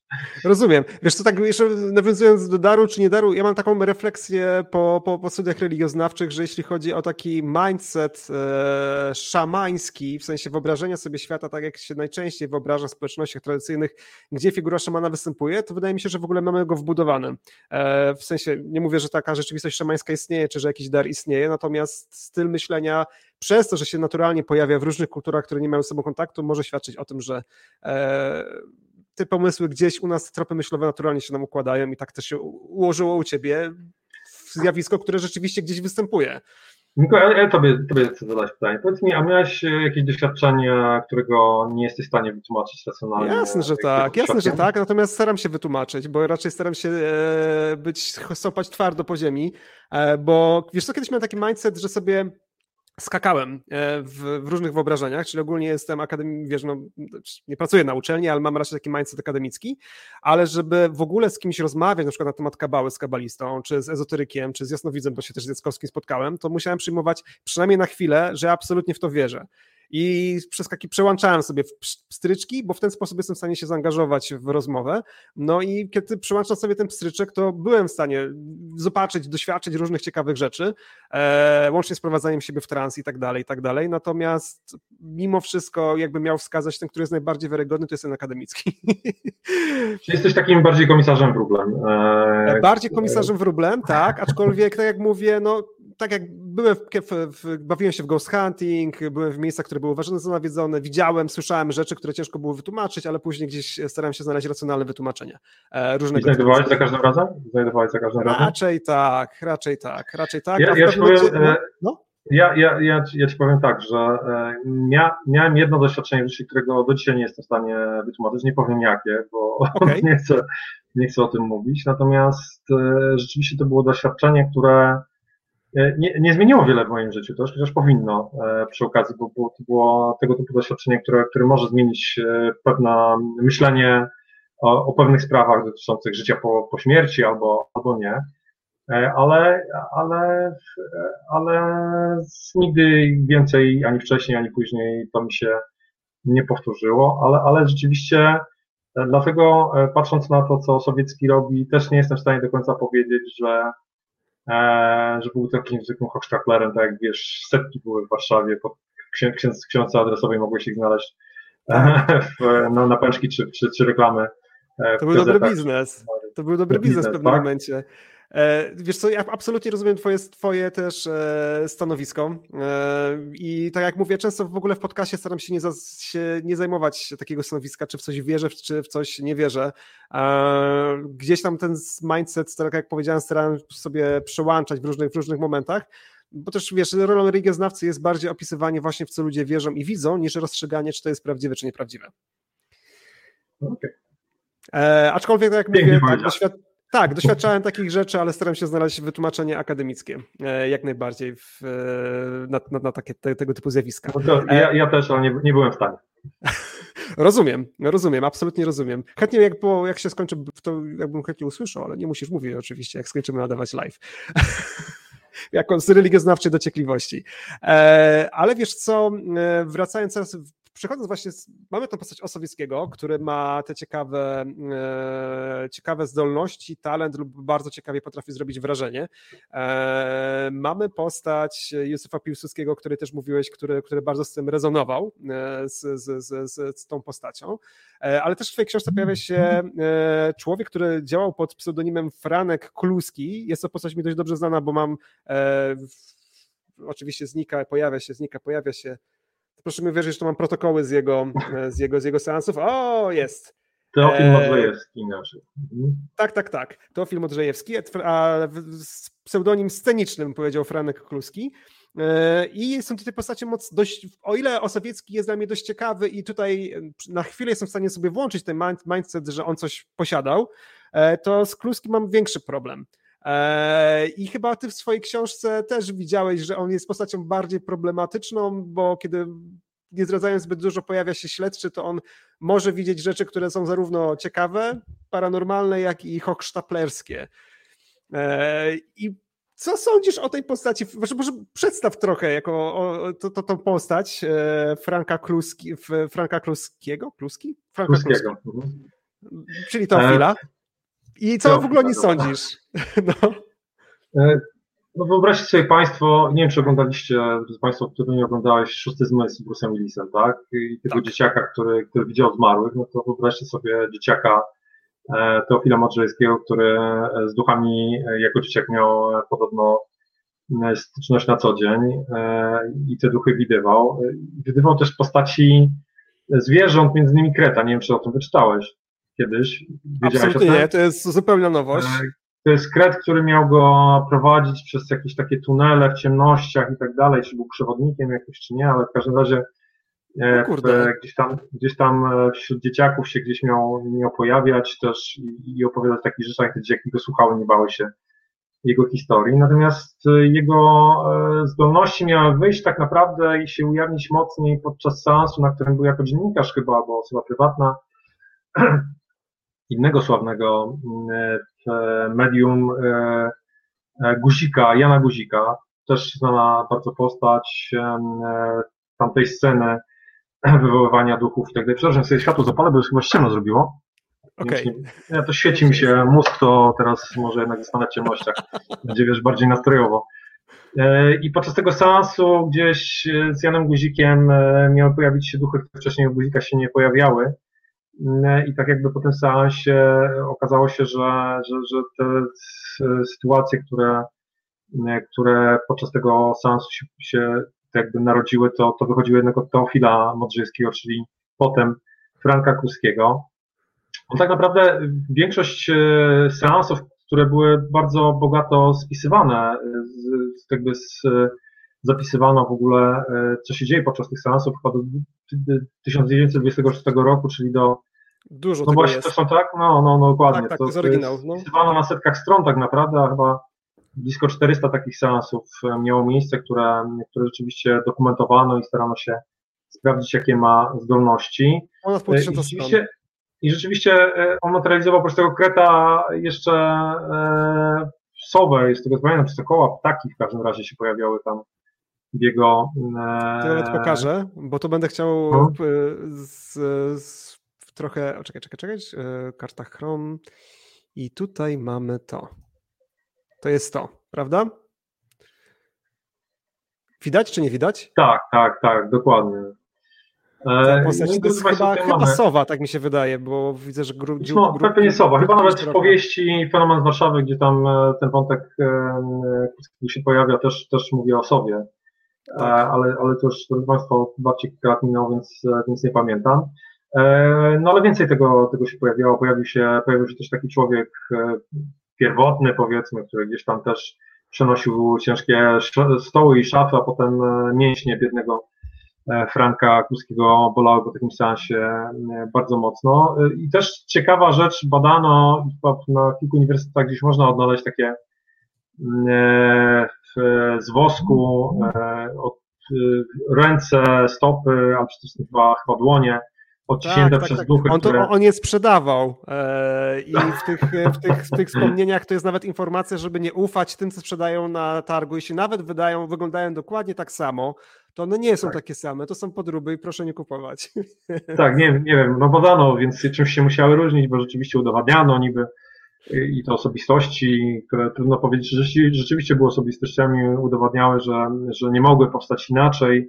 E, tego typu odlewy dłoni, jak E, w sposób e, trudny do opisania, czy po prostu duchy gdzieś tam w ten wosk włożyły dłonie, ale Teofil, e, ale Franek podobno był często poparzony, w, dłonie miał poparzone, więc, więc być może to on gdzieś tam jakimś cudownym sposobem e, te odciski sam to, robił. To jest moja teoria, nie ukrywam, jeśli chodzi o tą konkretną postać. Aczkolwiek ona, teraz znowu, wierząc zapiskom z z tego archiwum Norberta Okołowicza, który spisał te, te, te, te seanse, to wierząc tym zapiskom, bo ja takich informacji w innych miejscach nie znalazłem, poza artykułami, które się opierały właśnie chyba na tym źródle, e, to też Józef Piłsudski miał odwiedzić Franka Kluskiego, co więcej nie tylko on, tylko jeszcze Wieniawa go odwiedzał i no w sumie śpietanka Polski. Pytanie, czy tak z jednej strony może się zastanawiać... Ja myślę, że tak. Dlaczego, no? dlaczego Mikołaj, dlaczego nie? Powiedz mi, to, to był dziennikarz, e, który, który wiesz, e, myślę, że, że nawet jeszcze przed tymi seansami, gdzie, gdzie sami robił, Aha. spotykał się ze znanymi osobistościami, a Piłsudski, gdzie mógł, to, to tam się pojawiał e, na tych seansach, więc gdzieś tam pewnie na takim seansie zawitał, bo dlaczego nie? No, wtedy nie, nie protokołowano chyba aż tak obecności we, na wszystkich spotkaniach, być może nie zapisywano marszałka, że był, no bo, no bo po co? Bo to było na porządku dziennym, to nie było nic niezwykłego, chciano, chciano zaznać te rozrywki i pojawić się e, w, przy stoliku wirującym, posłuchać jak ktoś stuka tam obcasem, czy, czy próbuje unieść e, stół. Ale rzeczywiście e, sam, sam Frank Kuski jest bardzo ciekawy, chyba jeszcze bardziej ciekawy ten niby mentor Kuskiego, czyli guzik, na którego to sam się ujawniły się te zdolności Teofila Mądrzejewskiego, bo z tego co wyczytałem, jeżeli dobrze pamiętam, to Guzik e, także w Petersburgu był, w Moskwie, ale także brał udział w sensie e, jednego z carów, który, któremu mm. materializował jego ojca i dostał za to kopę kasy, z których żył przez tak. wiele lat, potem się rozpił. I, I pytanie, no, zaryzykował aż tak, żeby pojawił się, car podobno rozmawiał ze swoim ojcem bardzo długo, przez bardzo długi okres czasu, no to teraz E, duże ryzyko byłoby dla jakiegoś e, podstawionego ducha, żeby, żeby porozmawiać sobie z carem na różne tematy, na które pewnie nie miał zbyt dużego pojęcia, a to jest ciekawa rzecz, jak to, jak to, jak to guzik załatwił. No rozumiem, chociaż ja mam taką teorię, że jednak, e, znaczy powiem tak, z tych seansów spirytystycznych, tych wszystkich materiałów, które przeczytałem, z jednym wyjątkiem, tylko znowu pytanie, czy ten wyjątek nie jest związany z pewnego rodzaju tworzeniem współczesnego mitu, e, to jednak te informacje, które przekazują różni, e, różne zmarłe osoby, które się materializują i pokazują, one są niejasne, nie są powiedziane wprost, można je na wiele sposobów interpretować. Jeden był wyjątek, ale to znowu to dotyczyło pewnego medium, e, które w Wielkiej Brytanii e, mówiło, gdzie statki zatonęły e, w czasie seansów, w czasie seansów, czyli nie chodzi o zwykłe jasnowidzenie, tylko, tylko, że to był przekaz jakiś. No ale z drugiej strony źródło, w którym to czytałem, też nie uznam, uważam za jakieś bardzo, bardzo wiarygodne, a jeśli chodzi o taką butę, że ktoś idzie i ryzykuje przed carem, no to, to znalazłem w XIX-wiecznych kiedyś opracowaniach, e, że na Litwie i Rusi takich ludzi nazywano łazunami, że było pełno takich, którzy potrafili zaryzykować wszystko, żeby udawać kogoś innego, e, czasami już udawali urzędników, więc myślę, że jak najbardziej mogły się pojawić osoby, które przyszły do cara i mu zmaterializowały ojca przy jakiejś tak. wielkiej insonizacji. Pytanie, jak to zrobili? Bo tam jednak ściany miały uszy. Jest, wielu jest takich, którzy podawało się za carów, było ich kilkunastu nawet, no. Także, także mają w tym doświadczenie. No Franek tak, Janek tak, tak Guzik widocznie też. Tak, tak mi się wydaje. Zresztą też e, słyszałem, że jeśli chodzi o naszego Twardowskiego, który tak naprawdę miał nazwisko inne niemieckie, tylko Twardowski to jest poszczona wersja, to on e, Barbarę Radziwiłłówny miał za pomocą nekromanckiego rytuału e, pokazać królowi, za pomocą rytuału z zwierciadłem, to jest taki dość, tak naprawdę dość znany, magiczny rytuał e, przywoływania zmarłych, natomiast gdzieś tam też czytałem pracowanie, rzeczywiście ktoś się pojawił, ale ta kobieta była bardzo mniej podobna Barbary Radziwiłłównej, a bardziej była podobna do osoby, którą później próbowano Zygmuntowi wepchnąć do łóżka. Więc... E, ale co, rozmawialiśmy sobie przed, przed naszym połączeniem o, o tych, którzy demaskowali. E, tak, Ilustrowany kurier codzienny, słuchaj, odnalazłem ilustrowany kurier codzienny. Tak. E, podpisywał się dziennikarz jako Syty, czy chyba Stanisław Ardens. I, I on rzeczywiście próbował tych Hochstaplerów demaskować i kilkakrotnie był u różek, brał udział w seansach. No dokładnie. Wcześniej potem opowiadał, wiesz, że, że tam od jednego ducha czuć wódką było tak naprawdę, więc duchy Podwójny chyba też tam mają złe imprezy. Tak, o, właśnie. I on właśnie opisywał historię o tym, jak był wróżki, która to wróżka e, taka bardzo skoncentrowana na jego życiu, powiedziała mu, że w ciągu kilku miesięcy e, e, się ożeni, a potem w prasie w artykule napisał, że, że nie wie, co na tego jego obecna żona. Także Także to były na pewno bardzo ciekawe doświadczenia, wiesz, to bogactwo tych wróżów, wróżek na salonach warszawskich i domach warszawskich była, była ogromna i na pewno bardzo ciekawa. Wie, no, powiem Ci szczerze mówiąc, że jeśli chodzi w ogóle o tę epokę i tą e, wiarę w te wszystkie spirytyzmy i mediumizm, bo to wbrew pozorom nie jest do końca to samo zjawisko. Tutaj też może naszym słuchaczom i, i, i widzom wytłumaczę, że spirytyzm jest to wiara w to, że w czasie seansów spirytystycznych rzeczywiście e, są pewne zjawiska, które są wywoływane przez duchy, które się pojawiają w tym seansie, a mediumizm mówi bardziej, że to e, pewne moce parapsychiczne medium się tam oddziaływają, niekoniecznie z użyciem innych duchów. Przynajmniej taką, takie rozróżnienie znalazłem swojego czasu. E, natomiast Natomiast jeśli chodzi właśnie o to, jak, e, jacy ludzie byli w stanie uwierzyć w jakie dziwne e, rzeczy takie spirytystyczne, no to osobą, którą w, tak mi się wydaje w popkulturze chyba traktujemy jako najbardziej, e, o najbardziej takim przenikliwym umyśle i raczej racjonalnym, to można by powiedzieć, że to jest Sherlock Holmes, tak z popkultury, nie? A jego twórca Arthur Conan Doyle był ultra fanem spirytyzmu i on potrafił łykać takie rzeczy, że my do dzisiaj nie jesteśmy w stanie chyba stwierdzić, co on miał w głowie, żeby był w stanie uwierzyć. Że jak zrobiono taką, taki fotomontaż, może to gdzieś znajdę, wróżki Conan Doyle, Conan Doyle. E, w każdym razie fotomontaż bardzo słaby, gdzie dziewczynkę otaczają różnego rodzaju e, wróczki, które mają skrzydła motyli, e, no to on stwierdził, że o jest, jest, już za chwilę pokażę, to on stwierdził, że to jest, no przecież nie, no to jest jak najbardziej legitne zdjęcie, wróżki istnieją, przecież było w tym folklorze. I tego typu rzeczy, a on był takim wielkim, wielkim, wielkim fanem wielkim fanem mm, spirytyzmu, że e, jeśli dobrze pamiętam, to on Houdiniego zaprosił na, e, na seans spirytystyczny, e, gdzie on zobaczył włas, gdzie Houdini zobaczył własną matkę i wszyscy byli przekonani, że Houdini bardzo mocno przeżył ten, ten, ten, ten seans, bo on się jakoś tak słabo odzywał. A Houdini później powiedział, że to w ogóle nie była jego matka, że ona w ogóle nie mówiła w tym języku, że mówiła totalne pierdoły, nic się nie zgadzało i Conan Doyle się na niego obraził. Nie, że to stwierdził, że hmm, to muszę przemyśleć trochę pewne rzeczy, które tutaj się zadziały. Nie, nie, nie. On się, on się po prostu obraził. To teraz jeszcze tu nie, nie wiem, czy zaobserwowałeś coś takiego. E, jest Moja babcia... Swoją drogą, tylko mhm. tutaj pokażę, że to, to po prostu widać, że to jest wklejone na kliszę. To jest coś, co obecnie chyba w podstawówce dzieci mogłyby zrobić. No, Arthur Conan Doyle stwierdził, że to jest dowód, więc, e, więc tak no, propos wiesz, tego... Tak było obrazić dzięki temu e, e, mamy postać Sherlocka i możemy się Tak, no, Sherlock Holmes cieszyć. jest moim zdaniem zaprzeczeniem w ogóle Artura Conana Doyle'a w tym momencie. No tak przynajmniej odnoszę wrażenie. No chyba, że na te seansy wchodził, nie wiem, no Conan Doyle po kokainie, no to w takim razie to jest coś, co by łączyło, no bo Sherlock Holmes jest opisywany dość szeroko. Coś w serialu się często opuszcza, że, że bardzo lubił e, palić fajki doprawiane e, odpowiednim proszkiem. Ale myślę, że to jest taki wyznacznik tamtych czasów, bo yy, już nie mówię oczywiście mojej prababci, bo, bo nie wiem, ale moja babcia pamiętam opowiadami, żyła na wsi na wschodzie i tam mhm. w nocy, jak się siła, to wiesz, wszyscy zapalali tam świece i próbowali wyganiać zmorę, która miała siedzieć jej tam na, na piersi i ją dusić, no bo zmorę tam tam wierzono, oczywiście po jakimś czasie się dowiedziała, że ma astmę, więc, więc to astma e, spowodowała takie, a nie inne e, jej problemy z oddychaniem. E, ale, ale z tych, tych relacji, tych, tych moich przodków, mojej babci, dotyczące jakichś widzenia duchów, czy dziadka, z jednej czy z drugiej strony od mojego taty i mojej mamy, gdzieś tam, gdzieś tam zawsze były, ja się z tego zawsze śmiałem i, i ale, ale to wiesz, to było dla nich coś normalnego, nie jakieś tam zjawisko nie wiadomo jakie, no takie rzeczy się dzieją po prostu i widzisz ducha, bo chce się pojawić tam ktoś z rodziny, kto, kto zmarł i, i gdzieś tam był, a teraz no teraz tego nie ma, teraz to nie wierzymy, więc być może zmieniliśmy się i te duchy przestały nas dzięki temu odwiedzać może mamy jakąś taką barierę, którą sami sobie stworzyliśmy. Może być, bo część w ogóle takich e, ludzi w mindsetie ezoterycznym e, twierdzi, że jeśli się nie wierzy, to się zakłóca przekaz. E, natomiast jednym też takim rzeczy, że tych duszy, duchów się może mniej pojawiać, może być wynalezienie elektryczności, bo w takiej chacie niedoświetlonej to łatwiej było zobaczyć pewnego rodzaju różne rzeczy.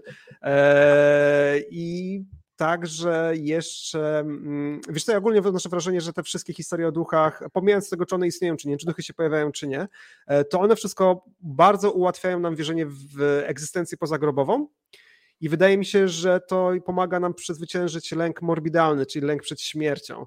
Kiedyś zrobiłem taki eksperyment, e, prowokację, że nagrałem, zasiałem legendę miejską o miejscu, które już miało opinię nawiedzonych, to gdzie się pojawi, nagrałem film, na którym nic nie widać, ale pojawił się na nim duch E, I miałem z tym filmem później, mimo że po miesiącu napisałem, że to jest prowokacja i ja napisałem artykuł o tym, dlaczego to powstało i w jaki sposób można tworzyć takie legendy miejskie, to część ludzi napisała, że prowokacją jest mówienie, że to jest prowokacja. E, to miejsce odwiedził egzorcysta za pomocą pewnego chłopaka, dziennikarze łowcy duchów z Anglii, polski łowca duchów, pojawiło się to w paru książkach, e, wspomnienie o tym miejscu i o tym, co ja sam zrobiłem. W jednej tylko książce Michała Stanowskiego było, było opisane, że to była moja prowokacja i o tym, co, jaki miał to cel w ogóle wywołać.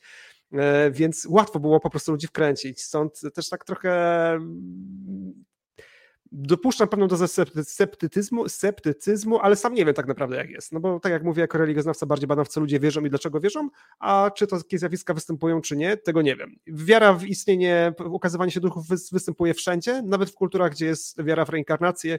Bardzo często się pojawia taki wytrych, że e, istnieje, mogą się ludzie reinkarnować w świecie głodnych duchów, jak na przykład w buddyzmie, e, chociaż ten głodnych duchów to jest głównie buddyzm tybetański, ale, nie, ale no, nie wchodząc jakby w te, w te szczegóły. E, więc, więc coś może w tym być, skoro wszyscy o tym mówią, aczkolwiek warto też dorzucić, że wiara w te duchy, nieważne jaki ten duch byłby przerażający, to wydaje mi się, że będzie mniej przerażający niż wizja tego, że z ostatnim oddechem po prostu znikamy. Słuchaj, tu mam bardzo ciekawy komentarz doktora Zbigniewa Łagosza e, o, e, o guziku, więc pozwolę go sobie przeczytać, tylko otworzę, bo widzę, że na ekranie się cały nie zmieścił, więc otworzę go na Facebooku. E, natomiast Franek Guzik wychodzi na to, że, że on był dość dobry w tych wkrętach, jakie potrafił robić. Panowie, w kontekście Guzika i jego wkrętów znacie historię. W roku 1901 podczas wizyty rosyjskiej pary imperatorskiej we Francji księżniczki czarnogórskie Milika i Anastazja, wydane za mąż za wielkich książąt Rosji, przedstawiły parze carskiej świętego starca Antelma Filipe z, Filipe z leczącego pacjentów sugestią. Przybywszy w roku 1902 do Petersburga na zaproszenie cara, lioński starzec, w cudzysłowie, został nie tylko obsypany zaszczytami na dworze, ale też miał ogromny wpływ na zabobonną carycę, która go ubóstwiała. No trzeba przyznać, że ta caryca to e, Dzisiaj pewnie byłaby blisko Górniak, tak mi się wydaje, pani Górniak, e, nie tylko urodą. Car przyznał mu tytuł doktora medycyny oraz rangę generała. Jego działalność na dworze była, co oczywiste, w niesmak cerkwi rosyjskiej, przeto skutecznie go oczerniała. Niektóre z pamiętników ówczesnych dworzan wzmiankują jednak o niemałym skandalu. Siłą sugestii Filipe miał bowiem wmówić carycy ciążę, a ta przekonana o jej autentyczności przez wiele miesięcy trwać miała w stanie ciąży histerycznej. Ujawnione przez, ujawniona przez lekarzy prawda spowodować miała natychmiastowe opuszczenie Rosji przez francuskiego cudotwórcę. Obecność różnej proweniencji magów na dworze Romanowów była jednak codziennością. E, ja dodam od siebie jeszcze, że bodaj car Mikołaj, e, chyba pierwszy, e, on był krytykowany za to, że on zbyt dużo rzeczy chciał się wtrącać do tego, co, co robił. Zbyt dużo chciał, po prostu nie potrafił delegować zadań, tak? No miał, był słabym menedżerem. I I jeden z takich elementów, jak czytałem, no, skąd takie w ogóle ocena, że on tak się do wszystkiego wtrącał, to takie najbardziej e, przykładem już w ogóle, że się czepiał i wciskał nos nie tam, gdzie powinien, było to, że nawet mundury żołnierzy projektował. Ale co ciekawe, co było najważniejszym elementem w mundurów, który car Mikołaj uważał, że musi być, to były szycia czerwoną nicią. A nie muszę chyba mówić, że na Rusi i w ogóle na wschodzie czerwona wstążeczka chroniła przed urokami. Więc wydaje mi się, że tutaj przyznaję rację doktorowi Zbigniewowi Łagorzowi, że Romanowowie to niekoniecznie byli e, ludzie racjonalni, chyba ta wieść musiała gdzieś krążyć. No też Rasputin nie bez problemu e, zrobił karierę, tak? Tutaj jeszcze doktor Zbigniew Łagorz napisał, e, wytłumaczył, że Guzik robił to samo względem cara, więc już mógł być ośmielony tym. E, no, a, i zresztą tą zjawę wywoływali razem z Czyńskim, czyli to ta ekipa. E, dobrze, no to znaczy powiem jeszcze jedno, jeśli chodzi o tą sowę, która się tam e, pojawiała, to co mm, e, tymi, bo powiem tak, z jednej strony, kiedy otworzyłem te wspomnienia seansów z medium Frankiem Kluskim i zobaczyłem te zdjęcia, które tam są, bo one są rzeczywiście bogato ilustrowane, e, można na polonia.pl i w ogóle w bibliotekach cyfrowych znaleźć tą, e, te wspomnienia i poczytać je, bo one mimo wszystko czyta się jest super i są bardzo interesujące. E, to, co zwróciło moją uwagę, to to, że zdjęcie było robione w ciemnym pomieszczeniu z tą sową. To jeszcze raz ją pokażę. Będzie łatwiej to omawiać. E, a ta sowa nie ma nigdzie rozmyć e, przy skrzydłach, co raczej sugeruje, że ona tymi skrzydłami nie machała, co nawet na zjawę sowy wydałoby mi się dość niezwykłe, więc chyba bym sugerował, że mm, to może niekoniecznie być prawda. Aczkolwiek, tak jak mówię, zdjęcia ogólnie, niezależnie czy są prawdziwe, czy nie, to mają klimat no to jest na przykład mega przerażające, chociaż szczerze mówiąc wydaje mi się, że to jest człowiek, który założył kaptur i który się pojawił, ale gdybym na seansie w ciemności zobaczył taką postać, to byłbym absolutnie przerażony, dopiero bym po seansie sobie był w stanie skonfrontować z tym, co widziałem i stwierdzić, ale to może niekoniecznie jest prawdziwy duch. Niko, ale nie ukrywajmy, że, że ludzie przychodzili właśnie po to, żeby trochę się pobać. Tak, no nie było Stranger Things, nie było Netflixa, nie? Za rączki, usłyszeć jak ktoś tam stuka, puka, a potem jeszcze jakoś się dotknie, wiesz, czy tam połaskocze, złapie za kolano. Powiem ci, że przecież... No oczywiście, że tak, no oczywiście, że tak, że to było świetna, e, wiesz, no świetny sposób na spędzenie mimo wszystko wieczoru, żeby doświadczyć czegoś, nie, czegoś niezwykłego. E, nawet jeśli to byłoby by wyreżyserowane, to, to, to niesamowite wrażenia, ale też powiem Ci, że pod wpływem e, prac pisanych przez ludzi z tytułami naukowymi o spirytyzmie, to razem z innymi studentami religioznawstwa sami próbowaliśmy odtworzyć te rytuały z wywoływaniem duchów. Bezskutecznie, aczkolwiek znowu siła sugestii i tego, co ludzie chcieli doświadczyć, e, udało mi się za pomocą tego rytuału, który robiliśmy, sobie pewne rzeczy i tak udowodnić. Tak, Aha, może... słuchaj, bo, bo jeszcze tak na szybko może. E, w, hmm? A propos wywoływania duchów Piłsudskiego. Chciałem tak. Ci powiedzieć historię, nie wiem, czy, czy nie słyszałeś o tym, jak Piłsudski miał wywołać ze swoimi adjutantami, między innymi Wieniawą Długoszowskim, e, duchy no wiadomo, na Wieniawa zawsze przy najciekawszych pomysłach był Józefa, nie? To jest ten... to ten chyba, zawsze... chyba był inicjatorem, tak mi się wydaje.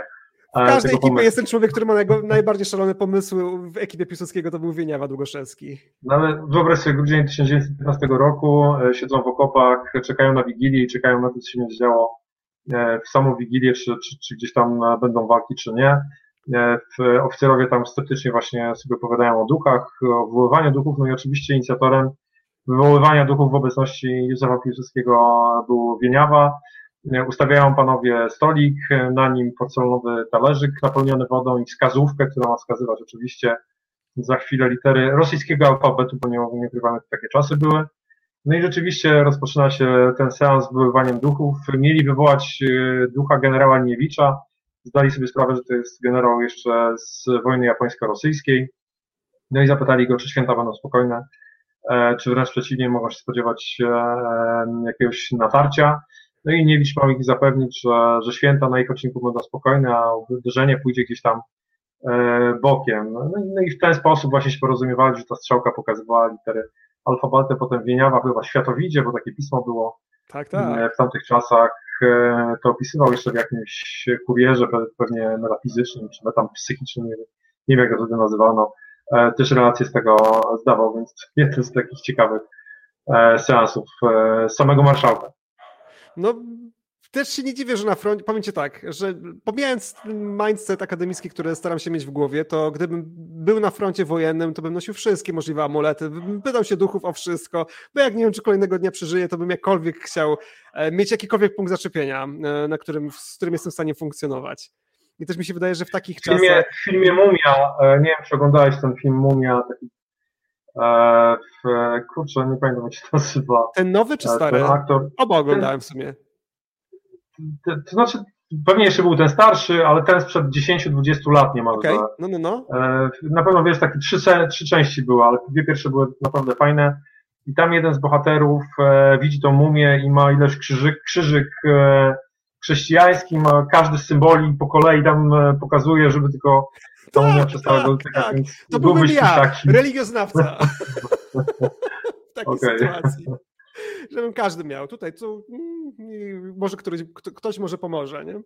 E, tutaj jeszcze Maria Monika Łukasik. W, tak w ogóle to chyba tego nie powiedziałam, ale jeśli ktokolwiek z Was ma jakiekolwiek pytanie, e, szczególnie pytanie do, do Tomka Duszyńskiego, to koniecznie pisze.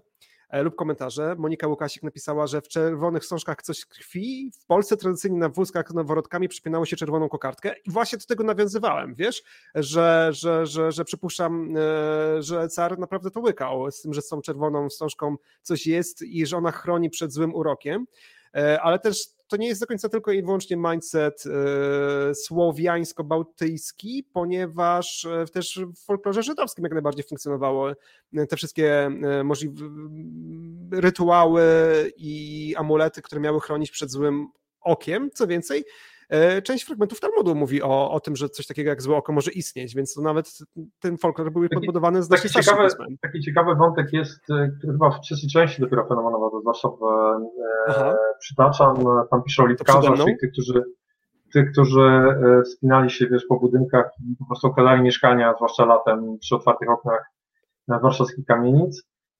I, I, rzeczywiście w latach 20. i 30. wielu z tego półsiatka tych złoczyńców, powiedzmy, złodziei, e, tatuowało sobie w ogóle różne symbole, ale też nosili amulety i też była jedna sprawa z takich, takie kostki na przykład, wiesz, z palców albo jakieś tam e, w zajęcze łapki, gdzieś tam potem gubili i dzięki temu policja mogła odnaleźć pana X czy Y. Na karteczkach też sobie ich zapisywali jakieś tam zaklęcia i chowali je po kieszeniach, potem to też gubili. Więc, więc to akurat nawet, nawet przestępcy warszawscy dosyć mocno wierzyli tak, że w ogóle przez, przestępcy mieli swój, swoje własne, swój własny ezoteryzm, bym tak powiedział. I do dzisiaj tak naprawdę mają. E, dobrze. Nie wiem, czy mamy jeszcze jakieś, e, jeśli są jakieś pytania od Państwa, to, to, to, to chętnie posłucham. Tak naprawdę spojrzałem, że rozmawiamy prawie już dwie godziny. Cię strasznie przytrzymałem, Tomku. Zbyt długo. Bardzo miło Cię rozmawia, to już bardzo dziękuję. E, to chwilę poczekamy jeszcze na to, czy się coś pojawią. W międzyczasie jeszcze przypomnę, że książki, o których rozmawiamy, to Fenomen z Warszawy Tomasza Duszyńskiego. Może uda mi się. Pojawia się i znika, pojawia się i znika. E, dokładnie tak jak Duchy na seansach spirytystycznych. O, Fenomen z Warszawy, wydawnictwo SQN. To jest ta książka, w która, której akcja się dzieje oczywiście w Warszawie, jak, jak mówi tytuł, e, i w której pojawia się ten e, polski światek ezoteryczny znany z, z, z drugiej RP. I wcześniej mówiliśmy o najnowszej książce Tomasza Glac, Goliat. Czy się pokaże, czy się wychynie z astralu? Nie wychynie się z astralu to proszę mi wierzyć, że trzymam ją w rękach i ją całą przeczytałem i była bardzo fajna. Dużo zwrotów akcji. Jest, jest, na chwilę. No, to najbardziej nieudany fragment tego podcastu. Myślałem, że będzie lepiej oglądać niż, niż moje stare szafy i kwiatki. E, seans spirytystyczny z filmu Doktor Mabauze, a, a jednak. E, dobrze, czy, czy, czy, czy pytanie z tego zrozumiem nie ma, więc chyba w takim wypadku będziemy kończyć. Tutaj jeszcze się pojawił e, motyw, e, komentarz współczesny dotyczący tych, jak powiedziałem, że Polska potrzebuje jasnowidzów, że wcześniej od czasów od czasów Osowieckiego, e, później mieliśmy, Osowiecki był w czasach II RP, później w PRL-u mieliśmy e, ojca Klimuszko, obecnie mamy Krzysztofa Jackowskiego. Doktor Zbigniew Łakosz tutaj zamieszcza informację o tym, że sprawdzalność przepowiedni naukowo przebadana raczej jest ciężko potwierdzić naukowo, akademicko zdolności pana Krzysztofa, Aczkolwiek e, tak od siebie chyba dodam, że przypuszczam, że gdyby współczesny aparat naukowy przepuścić przez e, Osowieckiego czy Klimuszko, to myślę, że mogłoby być podobnie, ale tego nie wiem. E, dodam też od siebie, że jak rozmawiałem z, z, z, panem Krzysztofem, to on sam też mówił, to co pojawi, zainteresowało mnie w twojej książce Fenomen z Warszawy, że on czasami sam ma takie momenty, że czuje, że tej mocy nie ma i że ma wątpliwości stąd ten, ten, ten, ten, ten mindset, który, którym, którym określiłeś e, Osowieckiego, jakoś tak mnie szczególnie urzekł, bo pamiętam, że, że, że powtarzał e, tego, tego typu słowa. A tu się jeszcze może zdążę pochwalić jedną rzeczą. To bardziej dla fanów podcastu religioznawczego. Nie wiem, czy to się cokolwiek uda pokazać, ale nic się nie uda pokazać. Spróbuję zdjąć na chwilę ten layout, może mi się uda. E, tylko powiem o tym, że Krzysztof Jackowski zbiera bardzo często informacje od policjantów, którzy starają się. E, o, jest. Potwierdzić jego różnego rodzaju zdolności i podziękowania od nich zbiera, to ja mogę się pochwalić, że mam podziękowanie od Krzysztofa Jackowskiego za pewną przysługę, którą kiedyś dla niego zrobiłem. Podcast religioznawczy ma taką rzecz. Na aż, aż człowiek by chciał zapytać, o co chodziło. Ale to jest już, e, znaczy nie, w sumie chyba mogę powiedzieć. Nie, to była pewna publikacja prasowa, która, która podważała e, bardzo radykalnie e, różnego rodzaju dokonania pana Krzysztofa. Ona była chyba, z tego co pamiętam, w, w, w, w dużym formacie tak mi się wydaje. Natomiast ona wyszła w tym samym czasie, co artykuł w magazynie policyjnym 997, który traktował o fenomenie Krzysztofa Jackowskiego, potwierdzając różnego rodzaju śledztwa, w których on uczestniczył i pomógł, więc e, napisałem artykuł, w który pokazał jeden artykuł i drugi artykuł i skonfrontował je ze sobą, że jak to możliwe, że w jednym czasie wychodzą artykuły, które mówią dwa, dwie różne rzeczy i w jednym i drugim wypowiadają się mhm. policjanci, że coś to jest nie halo, nie? W którymś w którymś medium coś musiało być nie halo, e, no i chyba był mi wdzięczny za to, że to przedstawiłem. Tak zrozumiałem przynajmniej. E, tak. E, mamy różnego rodzaju podziękowania. Więc cieszę się, że w ogóle byliście z nami, że wytrwaliście prawie te dwie godziny. E, jeśli słuchacie to w, na, na e, podcaście, to mm, na Spotify, to polecam e, wejść mimo wszystko na YouTube i zobaczyć różnego rodzaju zdjęcia albo poszukać z Frankiem Kluskim, z, które, które były zrobione w czasie jego seansów, bo wydaje mi się, że są całkiem ciekawe. I dziękuję Ci, Tomku, za wspaniałą rozmowę. Ja bardzo dziękuję. Mikołaj, dziękuję Państwu, że wytrwaliście e, i ten wspólny seans zakończyliśmy bez co prawda duchów, ale jednak myślę, że... Kto wie, bo ilość problemów, które były przed włączeniem tego i to, że zacząłem przepraszać Franka Kluskiego mówiąc, że może jednak miał tą, tą moc, to, to może pomogło, że dzisiaj się odbyło bez problemów, bo przy testach mieliśmy ich masę.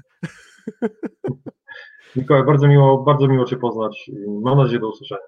Do usłyszenia, pozdrawiam.